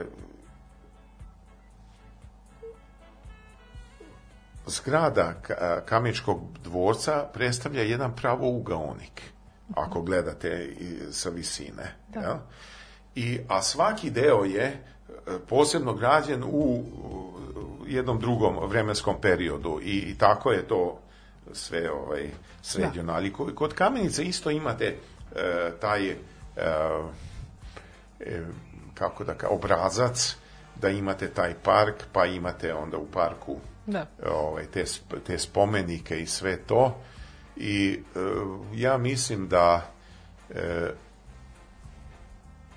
se sve više približavamo e, tom, tom stanju svesti, bar e, kod, kod mlađih, da to treba očuvati, da je to vredno i da e, ne trebamo prepustiti ovaj tihom zaboravu, nego e, ta kultura sećanja je vredna da se, da se udrži konstantno, jer je to naše, naše kulturno blago, ma, ma šta mi mislili o tim ranijim posljednicima i sve to, ali evo da vam kažem još jedan primer, zašto je, zašto eh, eh, u komunističkom periodu sve što su ovi vlastelini stvarali, to je bilo izrabljivanje i mislim ono naj, najgore i sve. Sad, e, novija istraživanja, e, ja sam vršio neka novija istraživanja vezana za to, e, isprade sasvim suprotno. Ispade to da su e, najsavremenije e, ovaj, e, metode poljoprivredne proizvodnje e, primenjivali upravo ovi vlastelini koji su imali para, da e, parna mašina e, parna mašina, lokomobil, se doduše ne tu, nego u rumunskom delu, delu Banata, već 840. godina pojavilo. Uh mhm. -huh. Ovde kod nas u Novom Bečenju je korištena 1853. čini mi se, prva, prvi lokomobil. Znači, sve najsavremenije što je moglo da se, da se ovaj kupi i nabavi, e, od, od ta vlas, e, vlastela su nabavljala. Nešto što je moglo da zameni dosta ljudi. I dosta ljudi, ali ne samo to, nego su i najbolja ovaj e, grla stoke, najkvalitetnije priplodne stoke i, i naj e, e, najbolje ovaj e, e naj, naj e, najkvalitetnije rasne konje da. su držali ova vlast, tela. I oni su bili motor i pokretačka snaga ekonomskog razvoja, jer su radili na velikom e, imanju, e, radili su sa najkvalitetnijim e, ovaj, tim sadnicama da, da, da. i najkvalitetnijom tehnikom, čak su imali svaki, svaki je držao jednog ovaj stručnjaka e, da, da to nadgleda i neke od tih vlastelinstava, ja, da pričamo o dvorcima i o, o posjedu, to je sve, to treba sagledavati kao jednu celinu. Oni su e, se onda i vremenom e, specijalizovali za određene vrste proizvoda. Da, da, da. Pa tako recimo ovaj, o Rohonci, vlastelin iz, iz Novog Bečeja koji je e, baštinio Biserno ostrvo, on je na Bisernom ostrvu e, imao 120 vrsta grožđa. Uh -huh. I to grožđe je izvozio za Nemačku, za Austriju, za i kako je izvozio? Pa eto i tu dolazimo do železnice, znači industrijska pruga, znači lore, lore su tu bile prisutne, neko ne u, na svim gazdinstvima, ali u, na većim jeste, kod Čekonića, kod, kod e, ovaj, e, u, u Južnom Banatu, onda u, u Novom Miloševu, e, u, u Konaku, kod, kod Jagodića i tako dalje. Lore su kao poljoprivredne železnice, ja, mogle puno ljudi da, da zamene ili malo ljudi je trebalo da ih obslušuje, da. za brzo skidanje leti, letine i kvaljive robe. Jer ako je neko imao voćnjak, ne možete vi da čekate tri dana, to će da propadne sve. Da. Isto je Rohonci, on je zato imao e, lore. E, lora je e, mogla biti ili na e, konjski pogon da su konji vukli ili e, sa, sa e, malim ovaj Čirom e, da, e, da, da, da, su to lokomotivama. i lokomotivama da. i to je ne, neke lore su radile boga čak i u međuratnom periodu mada je najveći deo njih je već do prvog svjetskog rata da. radilo da. i posle ne, ali su bili veoma značajni zato što su ubrzavali i da, dali kvalitetnije proizvode i tako je i Rohonci mogao da da ovaj, snabdeva, da snabdeva recimo grožnje. Ali tako da, da. je bilo i ne znam kod, kod Lederera, Ledererovi u Čoki su isto imali ovaj oni su zbog grožđa i tako je to je trebalo jako paziti na to, ali eh, on, oni su imali svoje ovaj poslovne partnere i onda su izvozili i, i oni su podigli na jedan visok nivo ovaj poljoprivrednu proizvodnju kod nas ovde ne samo u Banatu i u Bačkoj takođe puno para su investirali i stvarno su bili izuzetni. Sad kad pogledamo tu staru arhivsku gralju, čak i fotografije, šta su oni sve imali, koju, koje vrste čega, onda se mi tu zaprepastimo da li je to moguće da recimo neki od naših vlastelinstava tu u Vojvodini su imali na, ovaj, najbolju ergelu konja, recimo. Da. Ovaj, sad nećemo da detaljišemo, nego e, to e, vredi istražiti sa, sa tog aspekta da sve ukupno su oni organizovali ovaj tu modernu proizvodnju u, u svoje vreme ja. i doprineli tome da recimo E, sad ako sam Broncija spomenuo, on imaju e, ono čuveno vino da. koje je geografskog to je e, porekla ne može sad izvoz, izvoze ga ovaj, u inostranstvo, da se, da se, se ti čokoti održali i, i sad ponovo se na tome gradi. Isto vidimo i u Južnom Banatu jedan trend oko vršca i oko, oko e, tamo onih mesta eh, gde su ranije ovaj, banatske švabe imale velike vinograde. E, bio sam ovaj, imao prilike da vidim, malo da obiđem, da se proizvođači, znači vinogradari se vraćaju na starostavne da, da, da. sorte grožđa koje su nekad bile jako popularne a već je skoro i izumrlo, sad treba više godina da se to sve obnovi, ali to su sve bili, što bi danas rekli, brendovi. Mm, da. I kad, kad već pričamo o brendovima, e, ovaj, interesantno je da kažemo, ovaj, to je sad jako popularno, da kažemo, e, to ovo je brend, ono je brend. Mi smo imali u 19. veku u Vojvodini, imali smo jako e, le, dobre brendove, ne znam da li znate za to, e, jedna neverovatna činjenica je da Apatin, koji je inače čuven po ribljem paprikašu, je mm -hmm. tako, i, i dan danas da. se ide tamo za riblji paprikaš, oni su već zadnjih godina 19. veka jedna ribarska porodica je e, stavljala u konzerve i prodavala apatinski riblji paprikaš i to se izvozilo. Ne znam u da li konzervi, znate, Za, u konzervi, ne, ne znači znate. Dobro, 19, kraj 19. Krajem, to je oko 900. godine, znači baš pred kraj, e, jako interesantno. Isto smo imali mi u Banatu, ajde da kažem jedan bački brend, jedan banatski. I smo u Banatu, šta smo mi imali? Imali smo torontaski čilim, jer su tu bile tkačke škole, Štrajtman Antal 881.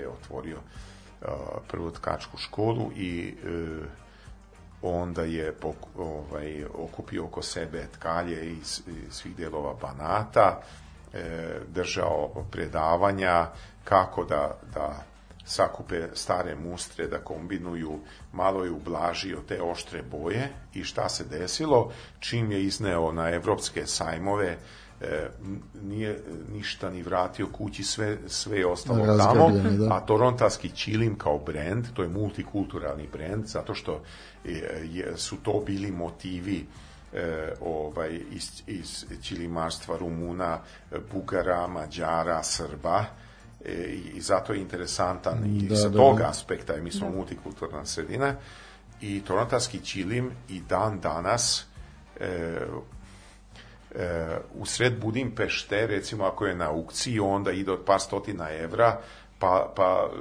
preko hiljadu evra, ako ima taj stari organani ćilin. I e, prva fabrika e, tortarskog ćilima je otvorena u Zrenjenu 894. I, i radila jedno vreme. Jel mogu ja nešto da pitam? Može. Ovako, Smiljo, zapravo konstatujem nešto. A, ja obožavam ovakve goste gde uh, malo ga čačneš i on krene da priča o jednom i onda se nadoveže na milion tema i za, zato je uh, jako je zahvalno pričati s vama e sad ono što, što želim da kažem to je da a, e, onog trenutka kada mi gost ušao u studio je rekao e, neću moći dugo, umoran sam, imao sam predavanje, sutra imamo ovo, a, nekih recimo pola sata, 45 minuta do sata. Mi smo prešli smo sat i po sat. Uh, sad da vas pitam, hoćemo li da pričamo još, da li ste vi za to? Hoćemo još da pričamo. Okay. Ja, onda idemo... Čekajte, ja moram da pitam samo nešto okay. i onda da, da puštaš da, muziku. Pošto ste sad spomenuli, znači, jedan brend iz uh, Bačke, kao tu konzervirano deo, pa ste spomenuli jedan deo iz e, Banata, pa dajte da. nešto iz Srema, mislim, Vojvodina je sva tri. E... Nekog lovca, mislim, ako ništa drugo. Nema potrebe vidite, malo se zna za to, možda se i zna, ja ne znam, ja uvek o, red, redko čujem za to, ali e, vidite Srem, ajte sad, e, sad za vinski Srem pričam. Da? U srednjem veku je, e, svi ste čuli za, za to, Tokajac i za mhm, da. Tokajsko vinorodno područje u Mađarskoj, da? da I kao to je vrh ono najbolje što postoji, je tako? Da. E, nije tako E, u srednjem veku, u srednjem veku, e, tu, tako da srednji vek, to znači o, sredina 15. veka, e, na, to, na taj period mislim na o, e, Matiju Korvina e, za vreme njegove vladavine. E, sremsko vino je bilo daleko najpopularnije i naj, e, ovaj, e, radije korišćeno vino na kraljevskim e, dvorima, svugde, u, u, i u Ugarskoj i, i u okolnim zemljama, e, zato što je bilo jako vino i, i gusto i kvalitetno. I otprilike su duplo plaćali za e, sremsko vino nego za Tokajac. Tokajac još nije bio ni u izgledu, nego je jedno vreme e, došlo do takozvanog vinskog rata e, u Sremu, evo o čemu se radi. Radilo se o tome da su e, bogati trgovci iz e, Segedine okoline imali svoje ovaj vinograde u Sremu. Tu je Segedin, tu je Srem i sad šta? E, sad kad je došla berba i e, treba doneti ovaj, kući, dopremiti vino i sve, onda su na ovom području gde su prolazili, kaže, stani, moraš da platiš porez. I o, do, dotle su se zakrvili, skoro su zaratili tu, da. e, neću sad detalje, ali interesantno je, znači, e, i mađarska stručna literatura i uopšte, e, ovaj, ako neko priča o e, vinarstvu, istoriji vinarstva ovog područja, onda je prvenstveno i pre svega E, sremsko vino bilo najbolje. Eto, ja sam imao sreće, ja uređujem jedan časopis za zavičajnu istoriju ovaj, i molio sam kolegu koji se bavi istorijom vinarstva da napiše e, istoriju sremskog vinorodnog područja i to je sad, mislim da je treći deo sad već objavljen i e, boga mi e, sve ono što se E, o, može najlepše reći o vinu, to se može reći za sremsko vino, da je to bilo naj, naj. E, vršačko vino je takođe bilo dobro, ali je, e, nije, nije bilo e, toliko kvalitetno. Palilo je to geografsko e, poreklo. E, Ladislav II. je, e, postoji ovaj, dokaz da je u srednjem veku e, mađar, e, ugarski kraj Ladislav II. iz e, Vršca naručivao e, vina i tako dalje, ali sremsko vino je bilo neprevaziđeno. A da, kad smo već kod vina, da vidimo i Karlovce, je li tako? Ne, pa Moramo pa to da je sve Karlovce. E sad, kod Karlovaca je situacija sledeća da je e, sad, sad hoću baš imam istražio sam i želim da napišem nešto o tome znate da za za ovaj karlovački o, Bermet. Bermet. Svi da, znaju za kakav Bermet. I onda kad pitate, idete od vinarije do vinarije, svako će da kaže, ja imam originalni recept, moj Dobro. pradeda je još to zapisao, moj je ovo, moj je ono, je tako? Da. Svi se kunu to, Just, da. svi kažu da je njihov e, e, jedini Bermet pravi. je brand, jedini pravi i tako dalje. E, međutim, to nije tako.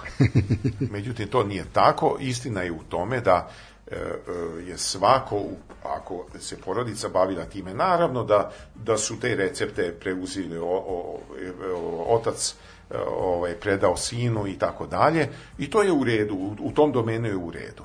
Ali ako gledate nekako malo ozbiljnije, onda se vidi sledeće, da jeste svaki od proizvođača, e, pošto se tu uglavnom jako pojednostavljeno ovaj, radi o, o, o korišćenju e, raznih vrsta i broja leko, i tipova lekovitih biljaka koji se natapaju u, u, u vino i od toga se dobije jedan specifičan ukus. U tom smislu su oni u pravu da nemate dva ista bermeta, jer svaka Jasne. vinarija da li neko stavlja 17 vrsta ovaj, ili 15 vrsta ili ne znam koliko, nebitno. Nego, interesantno je to, a mislim da, da to stvarno malo njih zna, 870. godina je u Karlovce došao jedan stručnjak za vino, on se zvao Johan Les Torres, on je, da li je bio španac, čini mi se, nemojte me držati za reč, sad, sad ga baš istražujem. Šta je on uradio? On je došao u Karlovce, bio tu izvesno vreme, pokupio sve te recepte, pogledao ko kako pravi bermet da. i izdao je izdao je prvu štampanu knjigu o tehnologiji pravljenja bermeta ovde. I to da. na mađarskom jeziku. On da. nije bio mađar, ali je znao mađarski i to, to je izdao 872. treće. I to je jako interesantno zbog čega? Zato što je tamo prvi put zvanično obelodanjena tehnologija pravljenja bermeta. Uh-huh. E sad, kod bermeta je u to vrijeme bio, bio taj takozvani srpski bermet, rac bermet, kako su zvali, i bio je ovaj mađarski bermet. Da. Sad vidim da prave i od belog e, vina, sad imate već svašta, da. E, to je jedna stvar, nego meni je to zaintrigiralo da dođe neko ko nije Mađar, dođe ovde u Karlovce, u srpsko mesto i na mađarskom jeziku izda tehnologiju pravljenja bermeta. Pa sad vi vidite šta je to, a to je palo u zaborav. To bi, to bi sad trebalo, pošto postoji veliko interesovanje, da se ta knjiga prevede odmah da, da bi imali e, ovaj, stručnu literaturu za to. Mada oni imaju, oni imaju te e, ovaj rukopisne zabeleške, svako ima od svog dede, pradede, za, ali ne, ovo je baš u knjizi i baš o pravljenju bermeta i, i to je to. Da, ali ja sam da. čula e, Sremsko e. vino je najbolje i meni dosta. Sremsko vino je najbolje i najskuplje je bilo od uvek. To je bio, pa znate kako, E, ja bi se usudio i reći da je bio strateški proizvod. Evo zbog čega. Zato što su i i poreze plaćali e, nekada ovaj, ne samo u, u parama, nego su, što bi rekli, ušur su da, vadili, da, da. E, ovaj, da, da e, ste morali određenu količinu vin, u vinu da, da, da izmirite. Da. I e, sremsko vino je daleko bilo najpopularnije. I kad, kad je već e, bio u silaznoj e, putanji, jel, ovaj razvoj, e, e, mislim, razne okolnosti su e, uticale, istorijske e, okolnosti, da e, je već po, polako počelo to da, da opada tu proizvodnja vina. E, o, tek onda je negde u, to je negde u 16. veku, čini mi se, onda e, je Tokajsko vinorno područje e, počelo onako... Da- procvalo, da. Da, da procvalo. Da. I onda su se svi... Evo, prebacili ovaj, su se jednostavno da. tamo, da. A zapravo još jedan brend e, vezan za vina, to je Törleji, koji je bio ovaj e, naš vojvođanin, mm -hmm. jel? rođen je u Vojvodini i imao, imao je fabriku e, ovaj e, kako se zove šampanjca to je Penušavca, u Hajdukovu. Ja. Opet Jeste znali to? Nisam. Törlej jeste i posle je on otišao u Peštu i tamo napravio veliku karijeru, obogatio se neviđeno, ali nikad nije zaboravio i sahranjen je, čini mi se, tu kod nas e, ovaj, u Vojvodini, jer ipak e, je bio vesan za to. No, imamo mi Törleja i to, to je, mislim, jako lepo da I to je sad marka i brend. Ja uvijek kad mm, da. idem na pijaci ili u prodavnici Törla i aha, to je, to je, to, da, to je naša.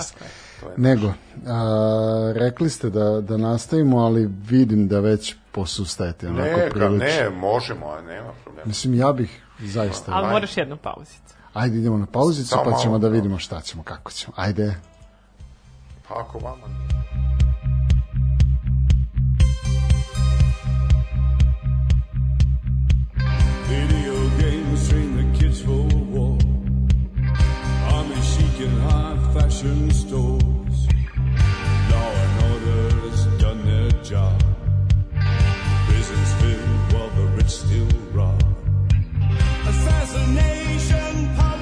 took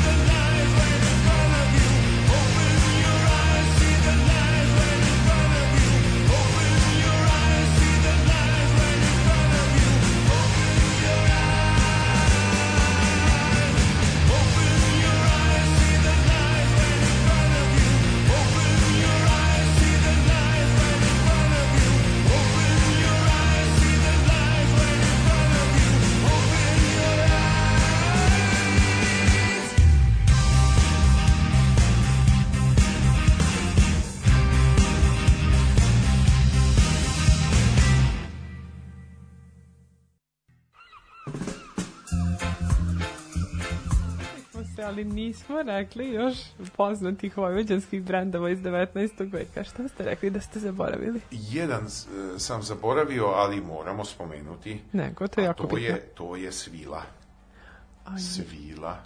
Da. E, eto. To je vojvođanski brend. Molim? To je vojvođanski brend. Pa naravno između ostalog, sad ne pričamo za kinovi, pričamo za, za, e, da, okay, okay. pričamo za drugu polovinu 18. veka i prvo polovinu 19. veka. O čemu se tu radilo? Radilo se o tome da je za vreme Marije Terezije, negde oko 1740. godina, ovaj, e, su počeli ovde da sade dudovo drveće. Mhm.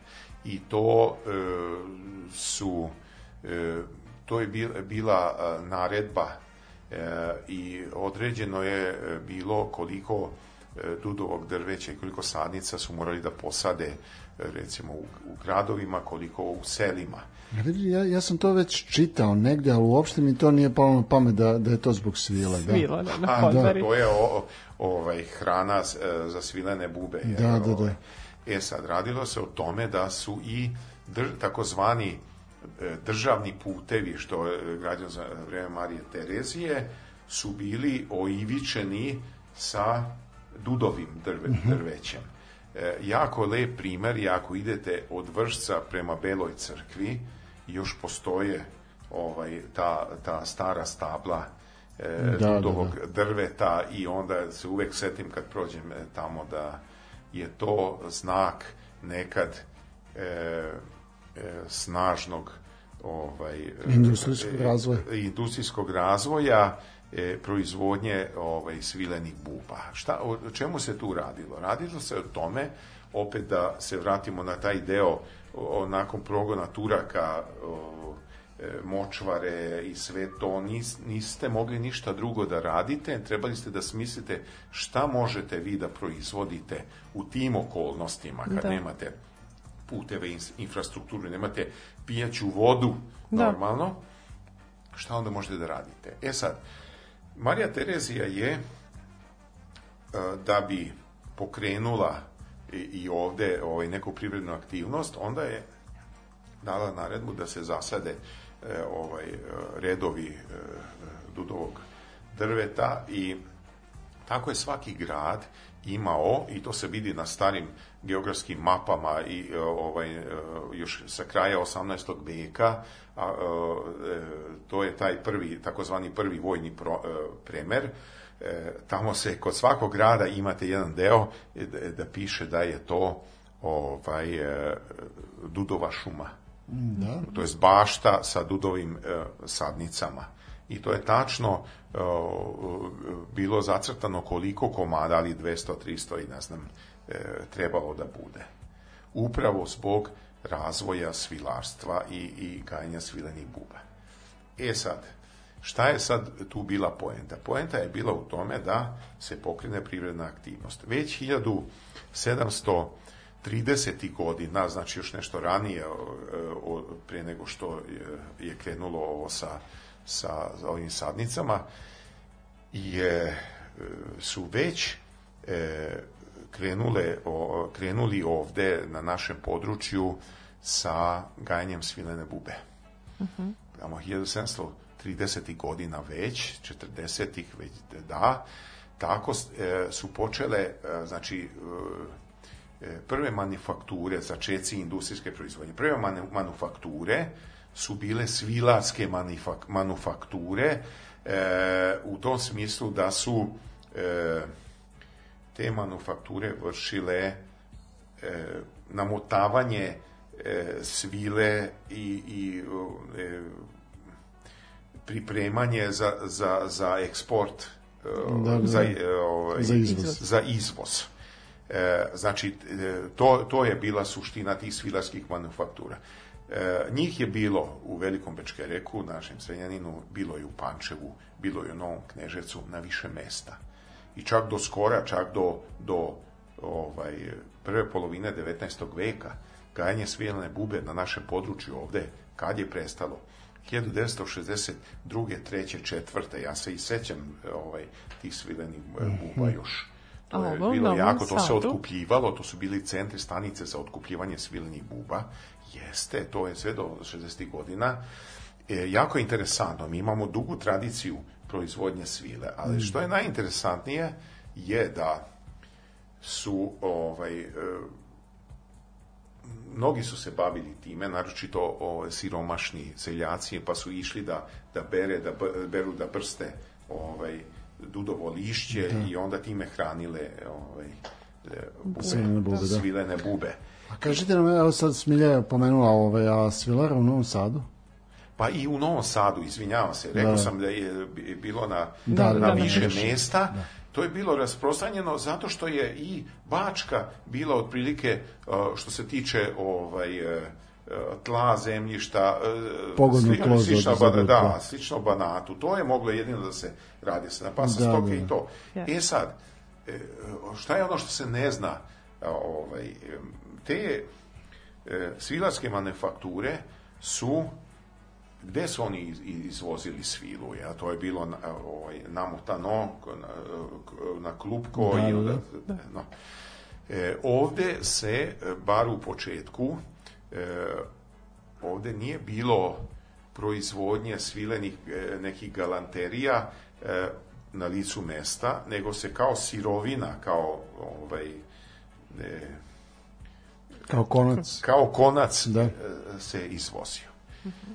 E, u Pešti, e, izvinjam se, u Budimu, je bila jedna čuvena, pa da ne kažem fabrika u to vrijeme, pošto se radi o kraju 18. veka, ali svakako jedna je jedna dobra manufaktura, ja bih čak i rekao e, jedan od prvih centara primenjene umetnosti e, je bila tamo.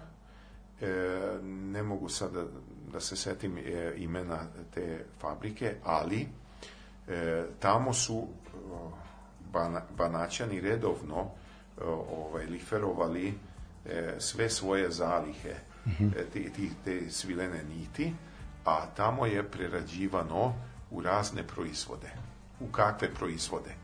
Šalove, rukavice i sve što se tiče ode da, predmeta džemper, da. finih E, to, to je ta firma radila i danas su jako redki i jako cenjeni e, proizvodi primenjene umetnosti e, ima u po muzejima može još da se vidi negde u, ovaj, u, u Mađarskoj e, jako su dragoceni e sad, šta je tu poenta? poenta je u tome da je hemijska analiza hemijska analiza kvaliteta e, svilene niti proizvedene u Banatu je pokazala da e, su mnogo kvalitetnije niti iz Banata nego iz drugih područja i zato su e, ovaj Budimpeštanci kupovali i naručivali samo banatsku svilu. I zato tu, tu se vraćamo na ono uh, vojvođanski brend. Eto, svila, i tu da. jedino što E, mi onda u to vreme pa nije se moglo, nije bilo objektivnih uslova da se ovde pokrene proizvodnja odevnih predmeta, ali tamo da. E, su pravili i jako lepe, ja sam video e, kako, kako to izgledaju. Znači, ako i nismo proizvodili, ali smo bili brend u, u, u sirovinskoj bazi mm, da, za, da, da. za proizvodnju tih stvari. Ostalo je još jedan, ajde da kažem, ovaj, e, bačvanski, a to je... Ja mogu ja samo jednu stvar? Dobro. Ja, ja možemo mi vas da zamolimo u ne, ponovo da, da nam dođete u nekom trenutku? Mislim, zato što Dobro, vidim, može. vidim da tu ima još masa stvari koje, mislim, e, stižu pitanja i na, na SMS, stižu pitanja na, na Discordu, stižu, stižu pitanja na Twitteru, a, ali masa, masa ljudi postavlja pitanje, mi ne stižemo ni, čak, čak to ni, ni da pročitamo. Jednostavno, a, toliko toga ste nam već rekli, a, a opet a, negde, negde nas učujem da, da još 17 puta toliko toga možete da nam kažete. Tako da ja bih voleo da, da nam u nekom narednom trenutku ponovo dođete. Mislim, sad... Vrlo rado samo temu da e, osmislite na koju da, temu imamo da... tačnu temu, a ne, da. ne ovako da. A čekajte, koji je to bio peti brend? Peti brend e, su, su štofovi bački.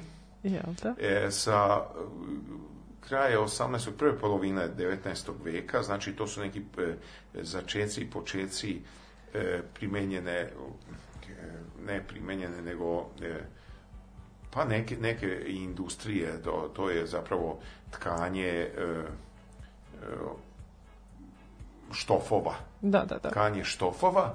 Šta je tu interesantno? Mislim da je, nije Kula, nego da li Apatin, ne mogu sad tačno da, ovaj, sad da se setim, znači Bački je brend u pitanju, ali je zasigurno da je to to. Jednom sam pre 30 godina istraživao u, u istorijskom, e, u zemaljskom e, arhivu Mađarske, I, i sa jednim kolegom e, smo tamo istraživali i on meni kaže ovako, gle, gle, ovde su još ovaj, u, uz arhivsku građu, uz pisanu dokumentarnu građu o toj fabrici u Bačkoj koja je proizvodila e, ovaj, to sukno, to platno, jel? Mm -hmm. još onda kad je e, ovde industrija da bila u mm, da. začetku, da E, čak su priložili i, i e, neke male mustre e, tkanina i e, mogli ste videti kako su izgledali te starostavne tkanine u tim onako u, ma, u manjem malom, da. formatu. Da. da. I to je bilo nešto ne, neverovatno. Ja sam inače godišnje odlazi uvek tamo da istražujem. E, puno podataka imamo e, vezanih za kulturnu istoriju vojvođanskog prostora u, u maljarskim arhivama i javnim da. zbirkama, pa sam da. to istražio. I znači štof je, ali to ću se pripremiti pa da. obećavam ali, da ću sledeći put držimo vas malo reći. detaljnije ovaj, reći. A sad ovako kad bi mogli da zaključimo ovo vaše današnje gostovanje, što biste vi rekli da je bitna istorija kulture za nas danas? E, ja mislim i uveren sam i ceo život sam uveren u to da mi imamo puno više e, e, kulturnog blaga nego o, što nam je poznato. Da. I trebalo bi, ja ceo život radim na tome, da vratim u, u, ovaj, e, u, u kolektivnu svest ljudi da bi znali na šta mogu biti ponosni.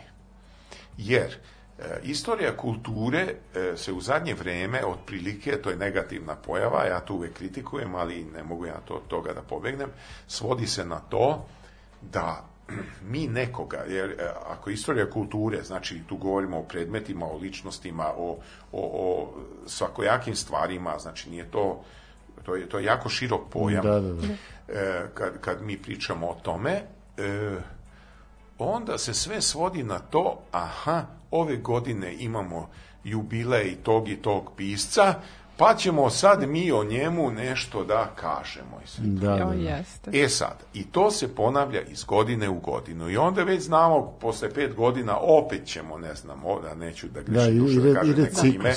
I da, to, je, to se reciklira. Međutim, ne radi se na e, ja to zameram, ja to radim ceo život i radim upravo zbog tog popularisanja tih naših kulturno-istorijskih vrijednosti kojih ima neizmerno puno. Neizmer. Ovo je samo e, mali delić toga. Sam, da. zagrebali da. smo samo sam neke stvari da vas zaintrigiram. Zato sam govorio. Ali ima neizmerno puno tih stvari. Međutim, ne vrše se bazična istraživanja. Mhm. Ne vrše se bazična. Zašto ne? Zato što uh, treba jako puno vremena. Treba više godina rada da, bi, da biste... Evo, moj primer za istoriju fotografije. Da. Ja sam to istraživao, mislim, jedno 20 godina. Imao sam, e, izvinjam se, samo jedna digresija, e, vezano za, za tu opsednutost, e, moju opsednutost istraživanjima.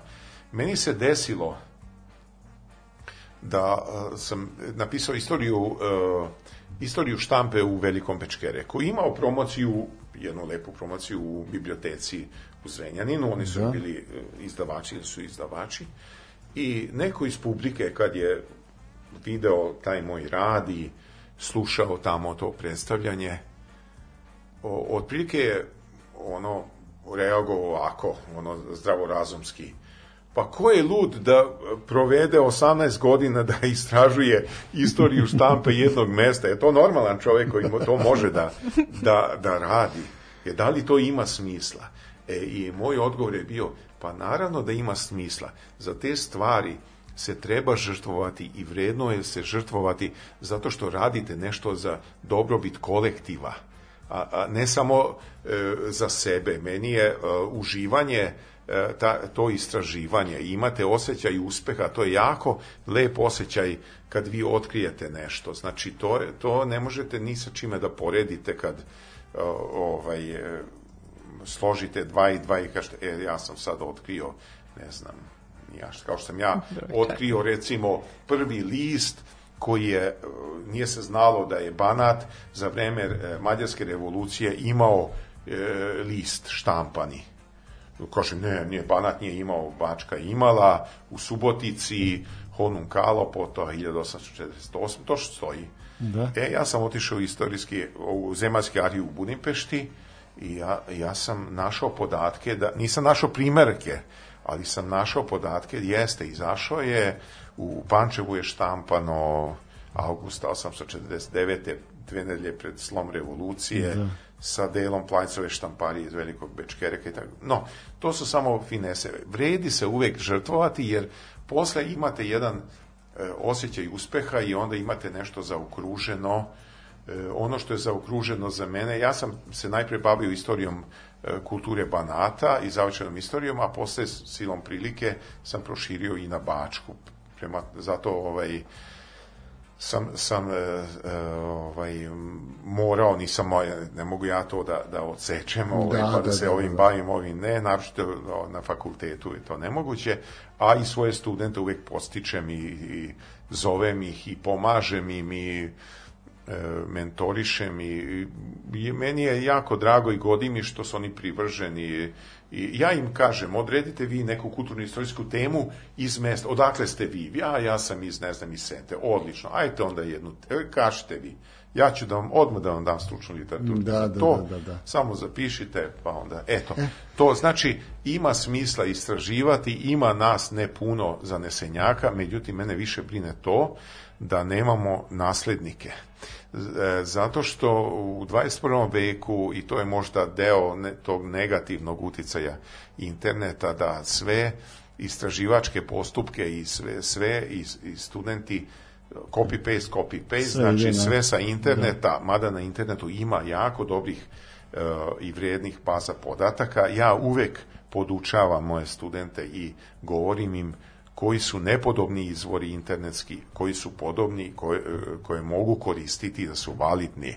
Znači, ne može te vi da pišete seminarski rad i onda neke blogove ili ne, e, koristite ili ne, da. neke neproverene, mislim, ono, Wikipediju, Wikipediju nenormalno, ovaj, da, da, da. to se štancuje, a Wikipediju piše onaj ko hoće, možda dopisuje pa, da. i to I onda odvede da, u raznim štancima. E sad, no. a, vi, ste, vi ste pomenuli a, da ne može, ne može ni sa čim da se poradi taj uspeh kad otkrijete nešto novo, a to recimo niko nije pre vas, Jeste. Evo recimo, e ja biću drzak da a, kažem da a, ja mogu u ovom trenutku da, da poredim to sa time, sa, sa ovim zadovoljstvom koje ja osjećam što ste nam vi došli kao gost. A, divno, je, divno, divno imati ovako govorljivog gosta. A, to smo imali recimo primer sa, sa Slobom Šušnjevićem, koga ovom prilikom ovaj, opet pozdravljamo a, ljudi koji, koji imaju mnogo stvari da kažu, zanimljivih stvari na mnogo različitih tema su blago ne samo ove, ove zemlje, ove emisije, nego uopšte blago za, za ceo svet. Hvala vam što ste, hvala. što ste odvojili svoje vreme za nas. Hvala vam što, će, što će doći I što ste ponovo. obećali. Da. da. Ja bih na da- kraju samo hteo da se zahvalim još jednom na vašem pozivu i da možda skrenem pažnju onima koji me ne poznaju da ne bi neko stekao pogrešan utisak da sam ja sa tu e, ovaj e, e, e razne stvari spojio na jednom mestu, pa ne, da ne, se nekom mislim... čini da i, i, e, sve ovo o čemu s, e, sam vam govorio, Ja sam e, o svemu tome i pisao u naučne radove, knjige, ovaj, i, i razne druge publicističke članke, znači da ne bi neko stegao, ja mogu opušteno da pričam o tim temama, da. ali za sve ovo imam fus note, imam izvore, znači stojim iza onoga što sam rekao, to e, samo zbog onih koji me ne znaju, pa da ne pomisle da Naravno. sam se ja pripremio sad da ovaj, razno razne zanimljivosti vadim i ko zna sad da li je pa, to tako da. Pripremali to ste se tako. 40 godina. Eto, tako. eto. Znate, znate šta, eto. ja, bih, ja sam, meni je jako drago što ste u stvari celu priču zaokružili i vratili se ponovo na taj pedagoški moment, zato što je to jako bitno da istaknete zbog čega su neke stvari tu važne, jer su i nama bile nove i neizmerno hvala na svim ovim lepim i zanimljivim pričama, zato što ja mislim da je puno nas postalo e, svesno nečeg što apsolutno nismo znali. E, čuli smo dosta interesantnog i nadam se da, da ja lično, ja sam zaintrigirana da čujem mnogo više, a nadam se da to deli i slušalci. Svakako. Hvala vam još jedno. Hvala, lepo. Sve najbolje. Rastrojavanje. Rastrojavanje četvrtkom uveče u 8. Uglavnom uživo. Rastojavanje.